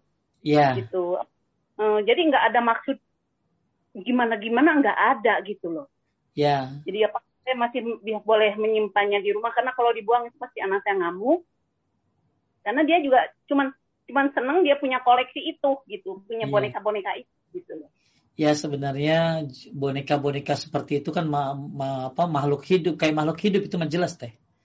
Ya, tidak ada alasan pendidikan juga, ya uh, itu mah bu, justru buang-buang duit teh. Kayak gitu teh kan mahal-mahal tuh. Apalagi yang kan ada ya, ya. emang satunya memang mahal. Iya itu dia. Satu itu masuknya tabzir teh. Mubazir teh.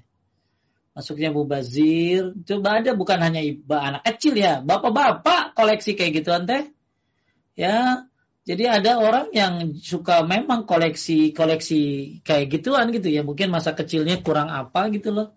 Ya jadi ketika saya pernah lihat ada orang yang koleksi ini, koleksi ini sampai jutaan kayak gitu teh, puluhan juta. Jadi itu satu nggak boleh ya. Kenapa? Karena uh, itu bentuknya seperti makhluk apa tadi hidup ya makhluk hidup. Kemudian uh, yang kedua itu termasuk mubazir ya mubazir dan itu mah bukan boneka ada teh. Betul nggak? Itu bukan boneka apa ya bentuk-bentuk aneh-aneh gitu gitu. Ya bukan boneka tapi makhluk kayak ini. Jadi itu mah bukan boneka tapi memang kayak patung gitu ya teh. Iya jenisnya sih. Saya kirim uh, fotonya ke Mbak Pebi. Saya kirim foto satu iya. satu fotonya. Iya. Ya, ya jadi uh, gitu.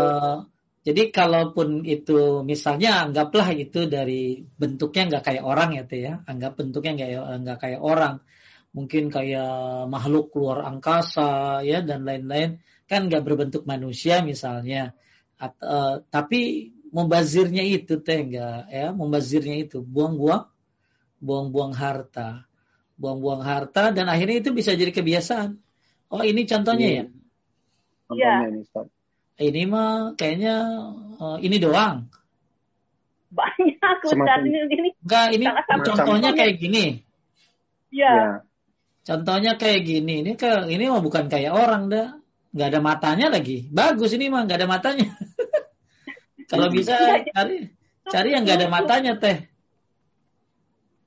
Kalau bisa cari yang nggak ada matanya kayak begini bener.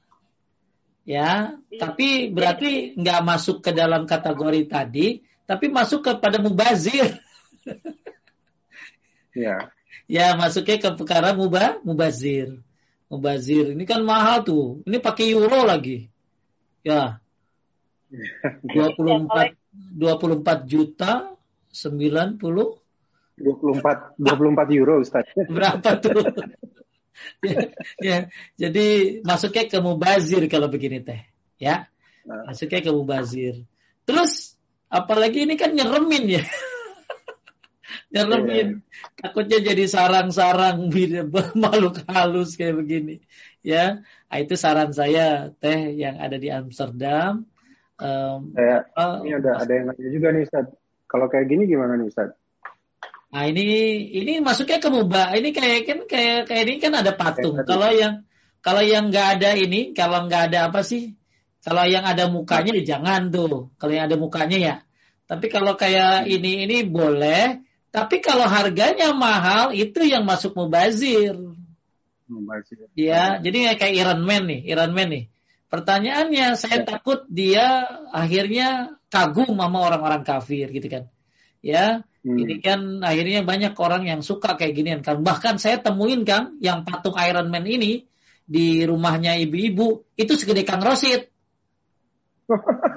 besar banget ya.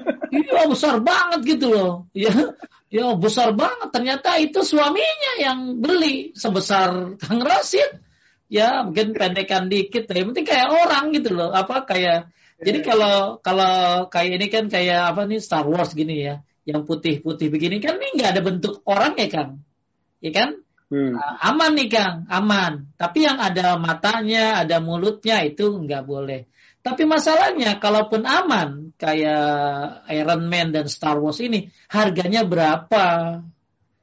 Ya, yeah. ini masuk kepada mubah, mubazir. Ya, ini nggak mau. Eh, kalau ini mah parah tuh. Ya, ini mah parah. Ya?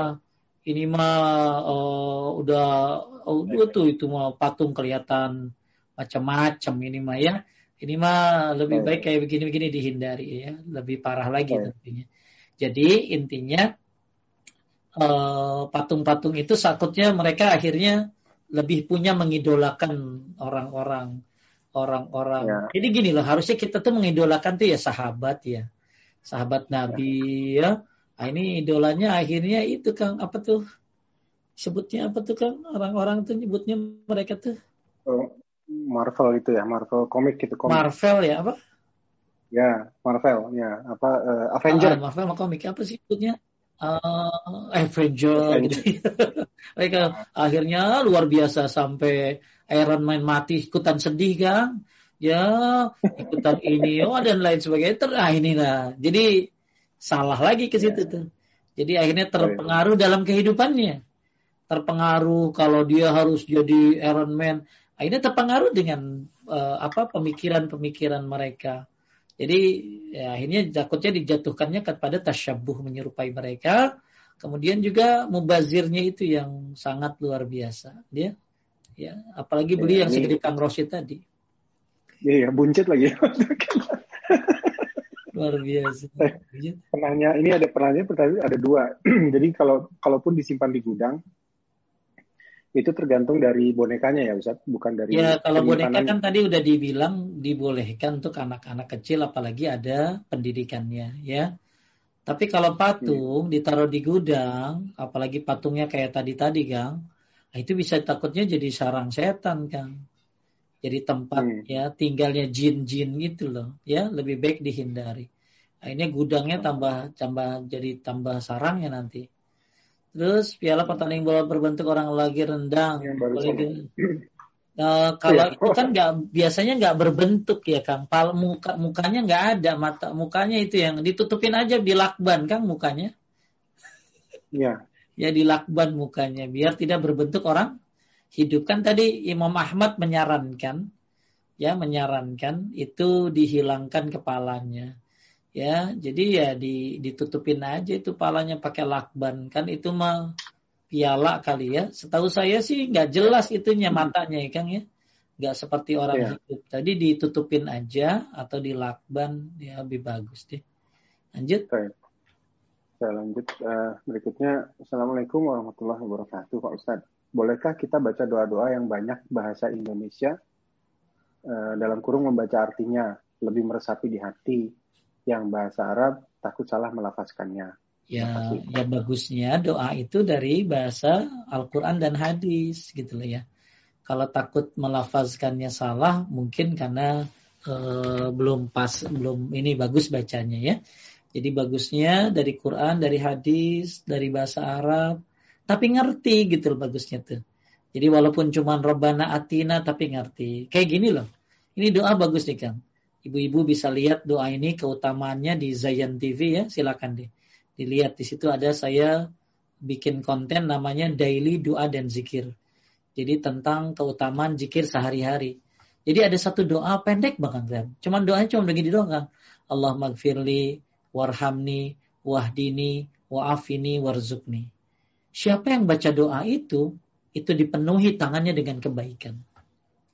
Ya, dan dia telah mengumpulkan dunia dan akhirat. Masya Allah tuh, itu doa dahsyat banget. Walaupun cuma Allah magfirli, warhamni, wahdini, wa'afini, warzukni. Ibu gampang lebih baik baca doa itu dah. Jadi bagus doa itu dari Quran, dari hadis, kemudian pakai bahasa Arab, nggak bisa juga baru pakai bahasa ya, bahasa masing masing-masing. Tapi kalau bisa ibu ada mix ya bu ya. Ibu baca doa yang dari Arab apa, dari hadis apa, dari Quran apa, dari hadis apa, baru ibu pakai bahasa ibu nantinya gitu loh. Ya kayak terjemahnya ibu pakai terjemahnya bahasa ibu. Misalnya gini lah bacanya dari Arab dulu. Ingat tuh kalau baca dari kalau ibu selama belajar baca Quran itu selama belajar nggak apa-apa salah ya selama belajar ya. Ya jangan disalah-salahin yang penting kan nggak sengaja ya selama belajar kemudian apalagi kalau baca hadis kalau baca hadis salah ya uh, apa nggak kayak nggak kayak baca Quran gitu loh ya nggak kayak baca Quran Nah kalau baca Quran selama belajar aja. Jadi bagus dari Quran dibaca terjemahnya. Dari hadis ibu baca terjemahnya. Itu lebih bagus. Kalau jadi ibu nggak gabungin dua. Quran baca terjemahnya biar meresap. Hadis baca juga uh, apa? Baca terjemahnya gitu loh. Jadi lebih bagus itu. Nggak bisa juga Pak Ustadz. Ya udah ya berdoa sesuai yang kamu kehendaki. Nggak apa-apa. Nggak apa-apa Bu. Ya nggak berdoa dengan yang ibu kehendaki yang ibu ngerti nggak apa-apa. Ya termasuk fatwa dari Syekh bin Salih al Utsaimin nggak apa-apa. Cuma kalau lagi sholat bagus dari Quran dulu dari hadis. Kalau mau baca Indonesia dalam hati ya. Dalam hati jangan diucapkan. Ya lanjut. Baik uh, berikutnya apa Assalamualaikum Ustaz saya pernah dikasih oleh-oleh dari teman yang pulang dari Mekah itu ayat-ayat Al-Quran yang sudah dikecilkan dan dibingkai bagus sekali untuk dipajang di ruang tamu. Eh, apakah itu diperbolehkan Ustaz? Saya pernah ditegur ya. oleh seseorang. Ya. Jadi uh, pernah kan saya lihat ya. Uh, gini, tujuan Al-Quran itu ya uh, apa bukan untuk dipajang ya, tapi dibaca. Kan ikra ya, ikra uh, ikra baca bukan majang. Nah sekarang saya pernah lihat kan ada orang kan punya Quran dipajang terus kecil-kecil banget itu bacanya pakai kaca pembesar kan. Yang ada aja di lemarinya dibaca normal kagak dibaca apalagi pakai kaca pembesar begini bacanya gitu tuh. Ya ya jadi uh, apa kalau dilihat dari hukumnya ya uh, memasang kaligrafi dan atau tulisan yang berisi ayat Quran ya uh, itu sebenarnya bukan tujuan itu dicipta apa diturunkannya Al-Qur'an. Makanya ulama-ulama dari berbagai mazhab, Kang, empat mazhab ya, melarang memasang tulisan ayat Quran atau kalimat zikir atau yang menyebutkan nama Allah agar tidak dipajang di dinding. Ya, dia ulama siapa seperti kalau dari mazhab Hanafi Ibnu Nujaim. Ibnu Nujaim bilang apa? Ya, bukan tindakan yang baik menuliskan Al-Qur'an ya di mutra di mihrab atau di dinding karena dikhawatirkan tulisannya jatuh diinjak-injak. Coba Kang. Tulisan-tulisan itu kan Kang suka ada tai cicak Kang. Ya. Ya dilewatin cicak ya tulisannya jadi kotor gitu. Jadi kata Ibnu Nujaim uh, dikhawatirkan ya lima yukhafu min sukutil kitabati wa an uh, tu'to'a.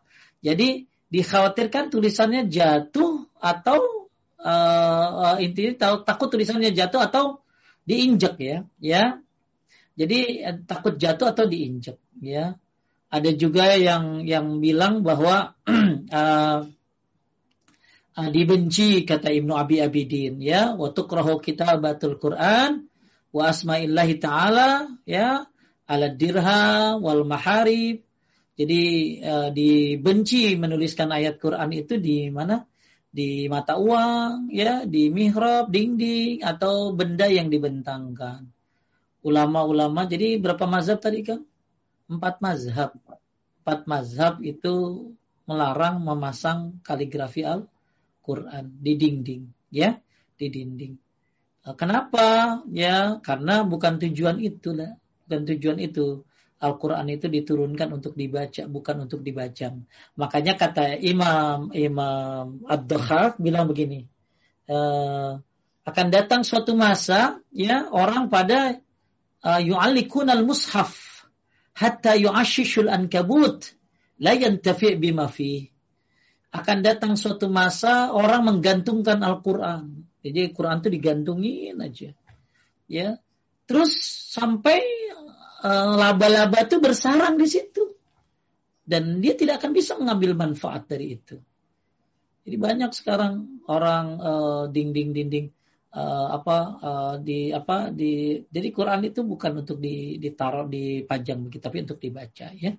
Empat mazhab sepakat melarang memasang kaligrafi Al-Quran di dinding. Wallahu a'lam.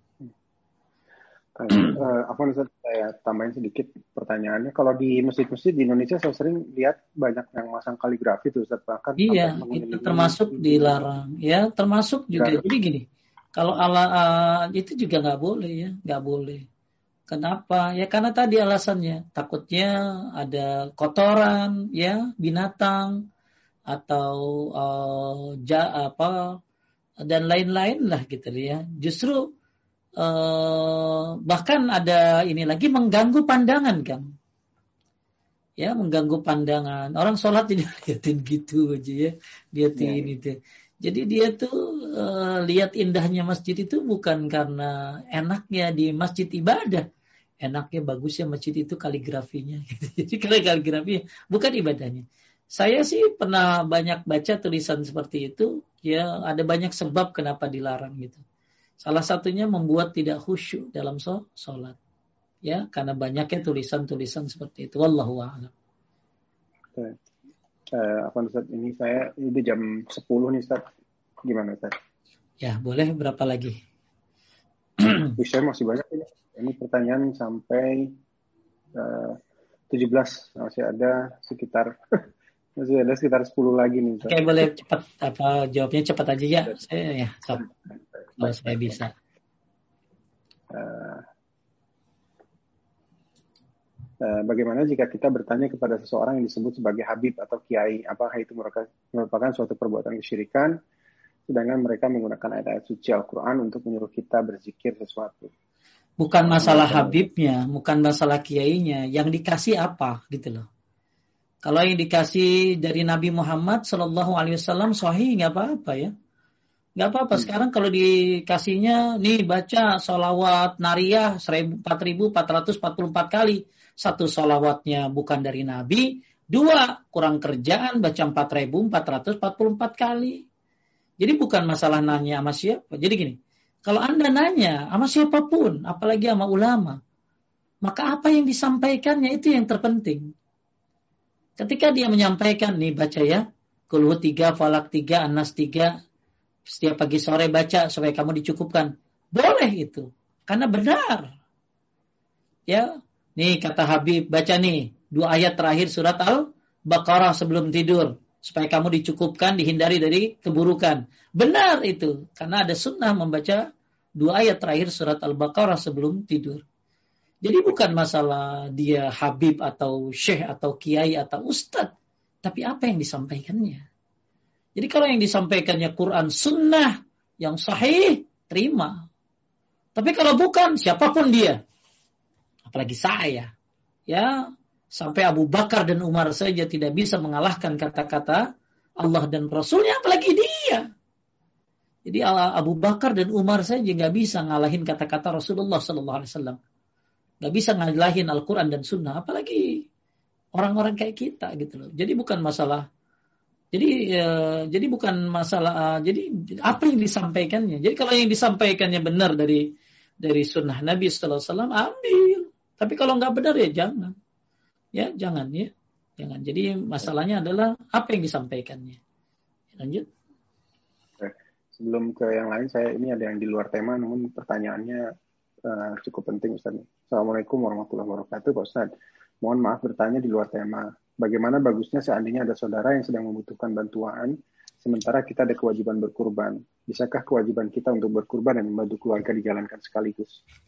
Sebenarnya uh, ada setahu saya ada fatwa dari dari Syekh bin Salih Utsaimin ya tentang uh, tentang bagaimana ketika kita punya uang pengen berkurban tapi ada orang yang membutuhkan untuk apa sih? Untuk pertolongan kita. Maka setahu saya beliau menyuruh untuk membantu orang lain. Ya, karena hmm. dalam riwayat uh, apa? dalam sebuah apa? Uh, saya tadi baru baru mau itu mau share ya tentang apa? Tentang um ini Kang it, apa? Itikaf gratis di Masjid Nabawi. Apa maksudnya? Itikaf gratis di Masjid Nabawi. Apa maksudnya? Ini tadi belum saya share. Apa maksud itikaf di Masjid Nabawi gratis? Maksudnya adalah uh, ketika kita, ketika kita adalah itu hadisnya dari Ibnu Umar radhiyallahu anhu. Uh, ketika kita uh, apa, memenuhi kebutuhan seseorang, misalnya ada orang yang membutuhkan pertolongan kita, apalagi dia keluarga ya, ya maka uh, uh, ini hadisnya saya bacakan ya. Dari Ibnu Umar radhiyallahu anhu ada seorang laki-laki yang datang kepada Rasulullah sallallahu alaihi wasallam lantas ia bertanya wahai Rasulullah, manusia bagaimanakah yang paling dicintai bagaimanakah yang dicintai oleh Allah? Dan amalan apakah yang paling dicintai oleh Allah? Maka Nabi menjawab, manusia yang paling dicintai Allah adalah orang yang paling bermanfaat bagi sesamanya. Kemudian apa amalan yang paling dicintai oleh Allah? Yaitu kebahagiaan yang kau berikan kepada diri seorang muslim. Engkau menghilangkan kesulitannya. Engkau melunasi hutangnya. Engkau membebaskan dirinya dari kelaparan. Jadi kata Nabi, amalan yang paling dicintai oleh Allah adalah membahagiakan orang muslim, menghilangkan kesulitannya, melunasi hutangnya, membebaskan dirinya dari kelaparan. Kemudian Sesungguhnya jika uh, jika aku berjalan bersama saudaraku untuk menunaikan satu hajat keperluan saudaranya maksudnya lebih aku sukai daripada itikaf di Masjidil uh, Nabawi selama satu bulan Kang. Hadis sahih disahihkan oleh Syekh Albani. Jadi uh, siapa yang pengen dapat keutamaan itikaf di Masjid Nabawi berapa bulan Kang? Satu bulan. Sebulan ya hendaklah berjalan bersama saudaranya menunaikan kebutuhan saudaranya ya hmm. dan itu termasuk amalan yang paling dicintai oleh Allah taala. Nah, sekarang Anda pengen kurban. Kurban itu kan bagus ya, amaran personal. Ya. Nah, kemudian sekarang uh, Anda punya saudara, keluarga yang lagi di rumah sakit, butuhkan biaya. Nggak apa-apa Anda kasih tuh uang kurbannya buat saudara Anda. Ya, kenapa? Karena uh, uh, apa uh, kurban ini bisa kapan aja kan ya kan hmm. tapi kalau nolong saudara belum tentu kan ya tahu-tahu saudaranya meninggal ya tahu-tahu saudaranya sangat membutuhkan. Makanya pertanyaan ini sering didatangi uh, udah berapa orang nanya sama saya tentang masalah ini. Jadi setahu saya dibolehkan memberikan uang kurban kepada orang yang mampu butuhkan. Udah nih ya dan ingat saya itu fatwa dari Syekh bin Salih Utsaimin. Jadi hmm. ini ini udah nih apa saya kasih buat kamu buat berobat, buat bayar utang, buat memenuhi kehidupan kamu lagi covid begini, kamu lagi nggak ada kerjaan ya. Nah, itu lebih insya Allah mulia juga kan. Kurban itu sangat mulia. Nah, termasuk menolong saudara juga sangat mulia. Tapi mana yang didahulukan? Kalau memang bertentangan antara keduanya, maka pilihlah menolong saudaramu. Insya Allah bu niatnya berkorban udah dapat juga ya. Tapi lain lagi kalau ibu punya duit lebih ya, ibu kasih buat saudara, kurban buat ada juga insya Allah itu lebih bagus tentunya ya. Lanjut kan? Ini ada ada dari rumah Iso nih Ustaz. Uh? Ini uh, apa? Ada rumah Iso mengenai kurban. Aduh. Hmm? Uh, ini anggapan uh, kedua sedekah dianggap lebih utama daripada berkurban. Oh, masya Allah. Uh, Boleh dibacain kan? Keliru. Boleh, Boleh ini ini udah saya share screen ya. Udah saya share. Masya Allah, hmm. bagus tuh.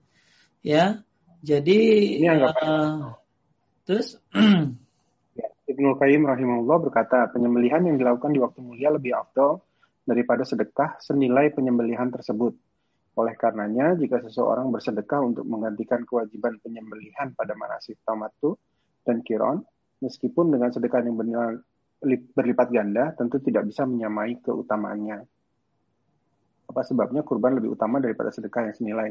Sebabnya karena masalah ibadah yang dilakukannya pada waktu yang utama, sama seperti selepas salat lebih utama untuk berzikir dibandingkan dengan membaca Al-Quran. Tapi pertanyaannya sekarang ini kan gini, Anda punya uang, ya, Anda punya uang, tapi pengen kurban, tapi saudara Anda kesusahan.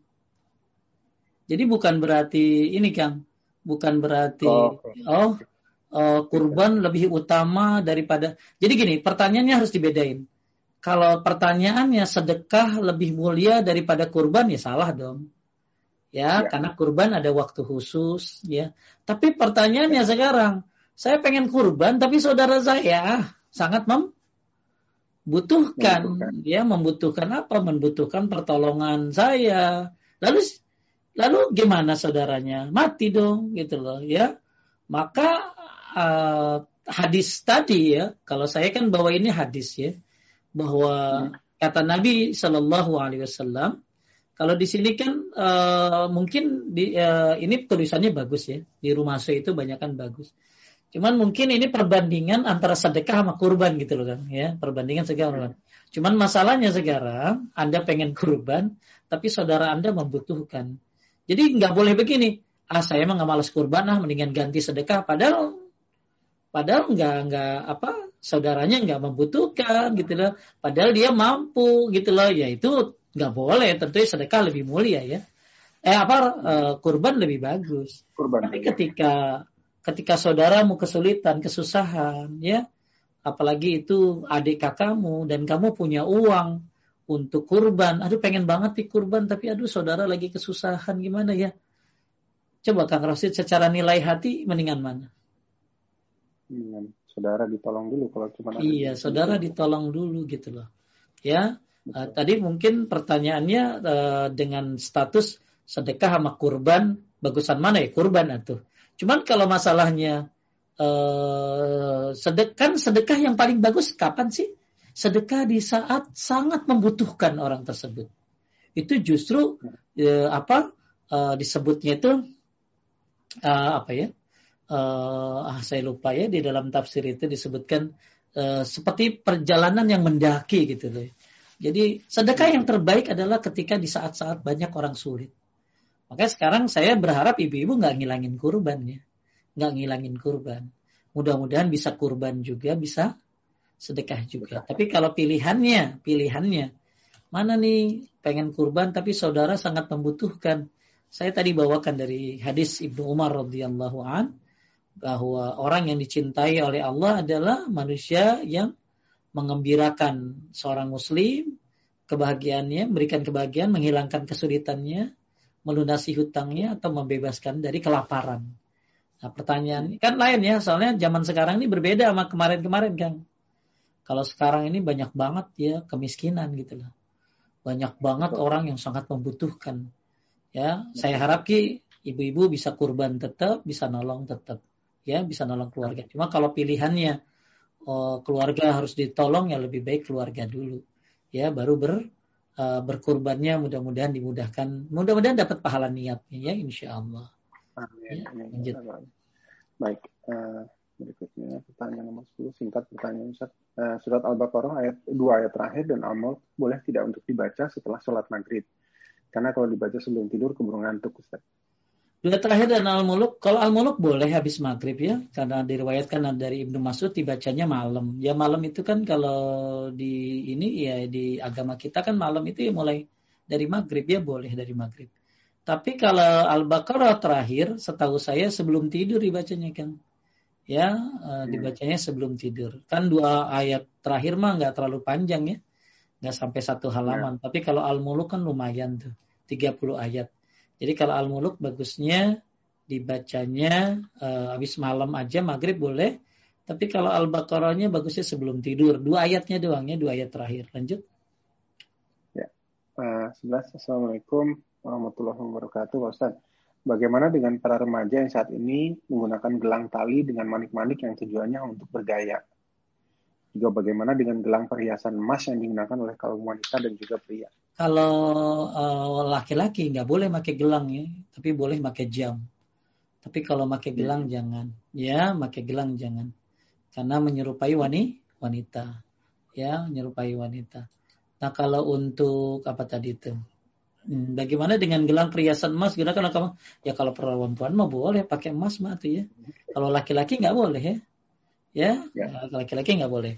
Jadi uh, untuk pakai emas mah nggak boleh ya. Untuk pakai emas nggak boleh, tapi kalau untuk untuk uh, perempuan boleh ya. Uh, kalau di dilihat dari bentar.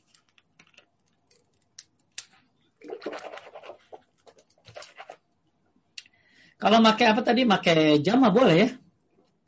Tapi boleh. kalau pakai gelang ya, eh, apa sih eh, fatwanya itu menyerupai kaum wanita ya. Hmm. Karena Rasulullah SAW al-mutasyabbihin minar rijal bin nisa wal mutasyabihat minan nisa bir rijal. Lihatkan oleh Bukhari de, apa Rasulullah SAW melaknat laki-laki menyerupai wanita dan uh, wanita menyerupai laki-laki. Jadi uh, untuk pakai gelang ini uh, buat laki-laki ini ya boleh karena itu ciri khas wanita ya. Ya jadi ciri khas wanita. Sebagaimana difatwakan oleh Ibnu Hajar al Haytami uh, diharamkan menyerupai kaum wanita dengan memakai perhiasan yang menjadi ciri khas mereka. Seperti apa? Gelang apalagi gelang kaki kan ya. Ya dan lain dan lain kalau cincin boleh ya cincin boleh. Lanjut berikutnya oh Ustaz, saya pernah dikasih oleh seorang Ustadz bilangnya ajian tulisan Arab dibungkus kain putih. Karena takut saya buang di taman belakang. Setelah berapa lama saya cari lagi mau dibuang keluar rumah aja tapi udah hilang. Mungkin hancur kena air hujan. Dulu saya tidak ngerti. Berdosakah saya saya pernah dikasih oleh seorang Ustadz bilangnya ajian tulisan ajian. Udah bilang ajian. Nih ajian ya. Ajian tulisan Arab. Enggak enggak. Tulisan Arab itu beda sama Quran bu jadi ibu jangan-jangan kalau ke Mekah nanti koran pada diambilin nama ibu di jalan ya, sangkain Al-Quran. Jadi uh, kalau tulisan Arab itu nggak apa-apa dibuang mah ya kayak koran aja. Tapi kalau Quran nggak boleh. Kalau Quran kan uh, ada modelnya ya. Uh, jadi itu kalau mau dihancurkan, dihancurkan, dipendem ya di tanah atau dibakar boleh. Ya, tapi kalau yang dibilang ajian tulisan Arab itu mah kayak tadi yang saya kasih gambarnya. Ya, itu mah bisa jadi jimat. Justru kudu dibuang, Bu. Kudu dibuang, ya. Enggak enggak dosa, ya, malah ya. bagus, ya, bagus. Oke. Ada lagi? Berikutnya, Ustaz. Tinggal empat, empat pertanyaan lagi. Bagaimana ya, dengan kepercayaan orang tua kita yang turun-temurun bahwa kalau de dekat bayi ditaruh gunting, kaca, jahe, atau sejenis empuk-empuk Mohon pencerahannya Ustaz. Itu nggak boleh termasuk ya. boleh. Jadi bacaan orang tua kalau bayi ditaruh gunting, kaca, jahe atau lain-lain itu bakalan begini itu namanya syirik itu ya. Itu namanya tatoyur. Kan pasti ada harapan kalau bayi dikasih gunting nanti bisa jadi penjahit. ya, kalau dikasih uh, jahe nanti apa jadi kadang-kadang ada apa ada kepercayaan ini namanya tatayur ya. Nganggap sesuatu itu kalau ini nanti biar nolak sial gitu ya. Kalau begini begini bisa begini nggak boleh ya. Karena eh, nggak syar'i ya dan tidak juga kauni ya. Jadi nggak boleh uh, ngikutin keturunan kayak begini ya. Alhamdulillah sih anak-anak udah kagak ada yang percaya kayak ginian kan ya selama neneknya masih ada gitu itu yang agak susah tuh karena biasanya ngajarin begini ini kan nenek-nenek Ya, alhamdulillah nenek-nenek juga udah banyak ngaji sekarang, ya. Maka kayak tradisi-tradisi syirik ini makin makin lama makin kekikis antara sebab neneknya ngaji atau neneknya mati itu aja. Mudah-mudahan neneknya ngaji gitu lah ya. Ada yang memutuskan. Baik Ustaz, saya lanjutkan. Bismillah Ustaz, ada jimat yang isinya bacaan Al-Quran baik lagi nih. Uh, misal ayat kursi yang ditulis di kertas lalu dibuat dalam bentuk kalung. Atau ada teman yang juga sering membawa-bawa Al-Quran dengan tujuan supaya jadi pelindung. Apakah hal ini juga termasuk syirik, Pak Ustaz? Baik, uh, ya, jadi jimat yang isinya bacaan Quran yang tulis di kertas dibuat dalam bentuk kalung. Nah, ini nanti akan apa uh, ulama memang ikhtilaf tentang masalah ini, akan tetapi yang tepat ini nggak boleh. Kenapa? Ya, karena nanti dia akan bawa ke kamar mandi, betul kan? Ya, akan bawa ke kamar mandi. Ya, jadi ada temannya sering bawa Al-Quran dengan tujuan supaya jadi pelindung. Al-Quran tuh jadi pelindung tuh dibaca, ya, bukan dibawa-bawa gitu loh. Ya, jadi e, dibaca bukan dibawa-bawa. Kalau begitu Nabi nggak perlu ngajarin ngajarin jikir pagi sore kan, tinggal baca aja, bawa aja, bawa aja buku jikir pagi sore, biar selamat. Jadi jikir pagi sore bukan dibawa, dibaca, ditaruh aja di kantong gitu, biar selamat bawa buku jikir pagi sore ya kalau jadi jadi makanya ada ada ikhtilaf dari ulama tentang masalah Quran yang dijadikan kalung dan lain sebagainya.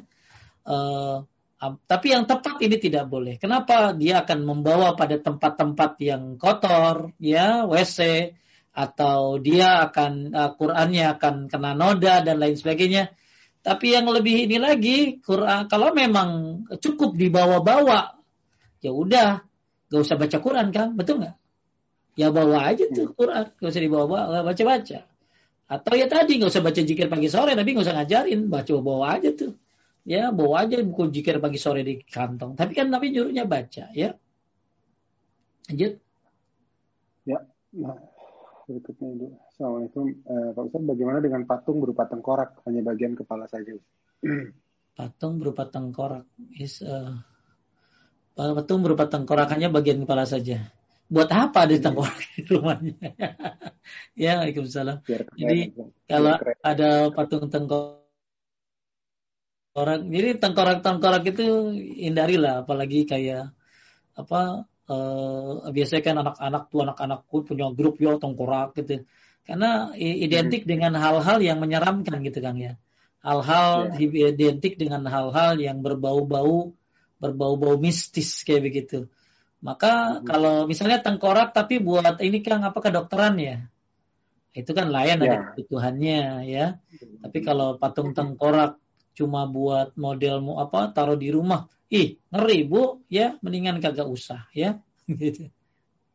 Tapi nggak ada tidak tidak ada unsur syiriknya ya Ustaz. Nggak ada ya, nggak ada ya. Justru ya. yang saya takut nanti gerak sendiri gitu loh. Takutnya ya ada jin masuk jadi gerak sendiri ini ibu jadi ketakutan ya ya ya, ya. jadi pertanyaan terakhir nih Ustaz untuk malam ini nah Ustaz kalau lukisan orang abstrak boleh nggak Ustaz? nggak apa-apa karena itu kan bukan ya. Bukan ya, nyawa ya? uh, ya bukan nyawa. Ya. Alhamdulillah uh, Ya mudah-mudahan ya, ya ibu-ibu yang bisa berkurban, alhamdulillah berkurban ya. Karena memang berkurban ini kan setahun sekali, waktunya juga ditentukan. Cuma kalau memang punya uang lebih ya mudah-mudahan bisa berkurban, bisa nolong juga. Ya, akan tetapi masalahnya kalau misalnya saudaranya sangat membutuhkan kan tentunya beda ya. Beda, be, sangat membutuhkan pertolongan dia, nggak ada yang nolong dia, apalagi di saat-saat sekarang karena kembali lagi saya tekankan saat-saat sekarang ini kurban harus tetap dijalankan ya. Semuanya yang mampu berkurban berkurban. Tapi kalau bisa juga jangan lupa nolong saudara-saudaranya. Jadi kurban dapat, nolong saudara juga dapat insya Allah. Ya, mudah-mudahan dimudahkan untuk melakukan kedua-duanya. Itu saja Kang Rashid dari tim uh, Rumah Dakwah Paduka. Terima kasih. Saya mengajak Bapak Ibu semuanya jangan lupa ya uh, ada jamaah kita yang baru meninggal orang tuanya. Mudah-mudahan ya uh, ibunya Andre ya Allah ampunkan dosa-dosanya, Allah angkat derajatnya. Amin. Kalau sempat doakan Amin. dalam sujudnya, dalam sebelum salamnya, Mudah-mudahan Allah Subhanahu wa taala uh, menjadikan anak-anaknya sabar dan juga anak-anaknya ya diberikan kesehatan oleh Allah Subhanahu wa taala. Itu saja. Makasih Kang Roshid, uh, Kang Roland, Teh Febi, Teh Popi. Mudah-mudahan istiqomah di atas tauhid dan sunnah. Barakallahu fikum. Subhanaka Allahumma wa bihamdika asyhadu an la ilaha illa anta astaghfiruka wa atubu ilaik. Assalamualaikum warahmatullahi wabarakatuh. Waalaikumsalam. Baik, uh, semoga kajian bermanfaat. Insya Allah kita akan bertemu kembali di minggu uh, Sabtu depan sama Ustaz Sendra untuk melanjutkan topik tauhid. Kami, uh, kami dari tim Rumah Damai Paduka, mohon maaf jika ada kesalahan dan kekurangan. Barakallahu fikum. Bila taufiq wal hidayah. Assalamualaikum warahmatullahi wabarakatuh. Warahmatullahi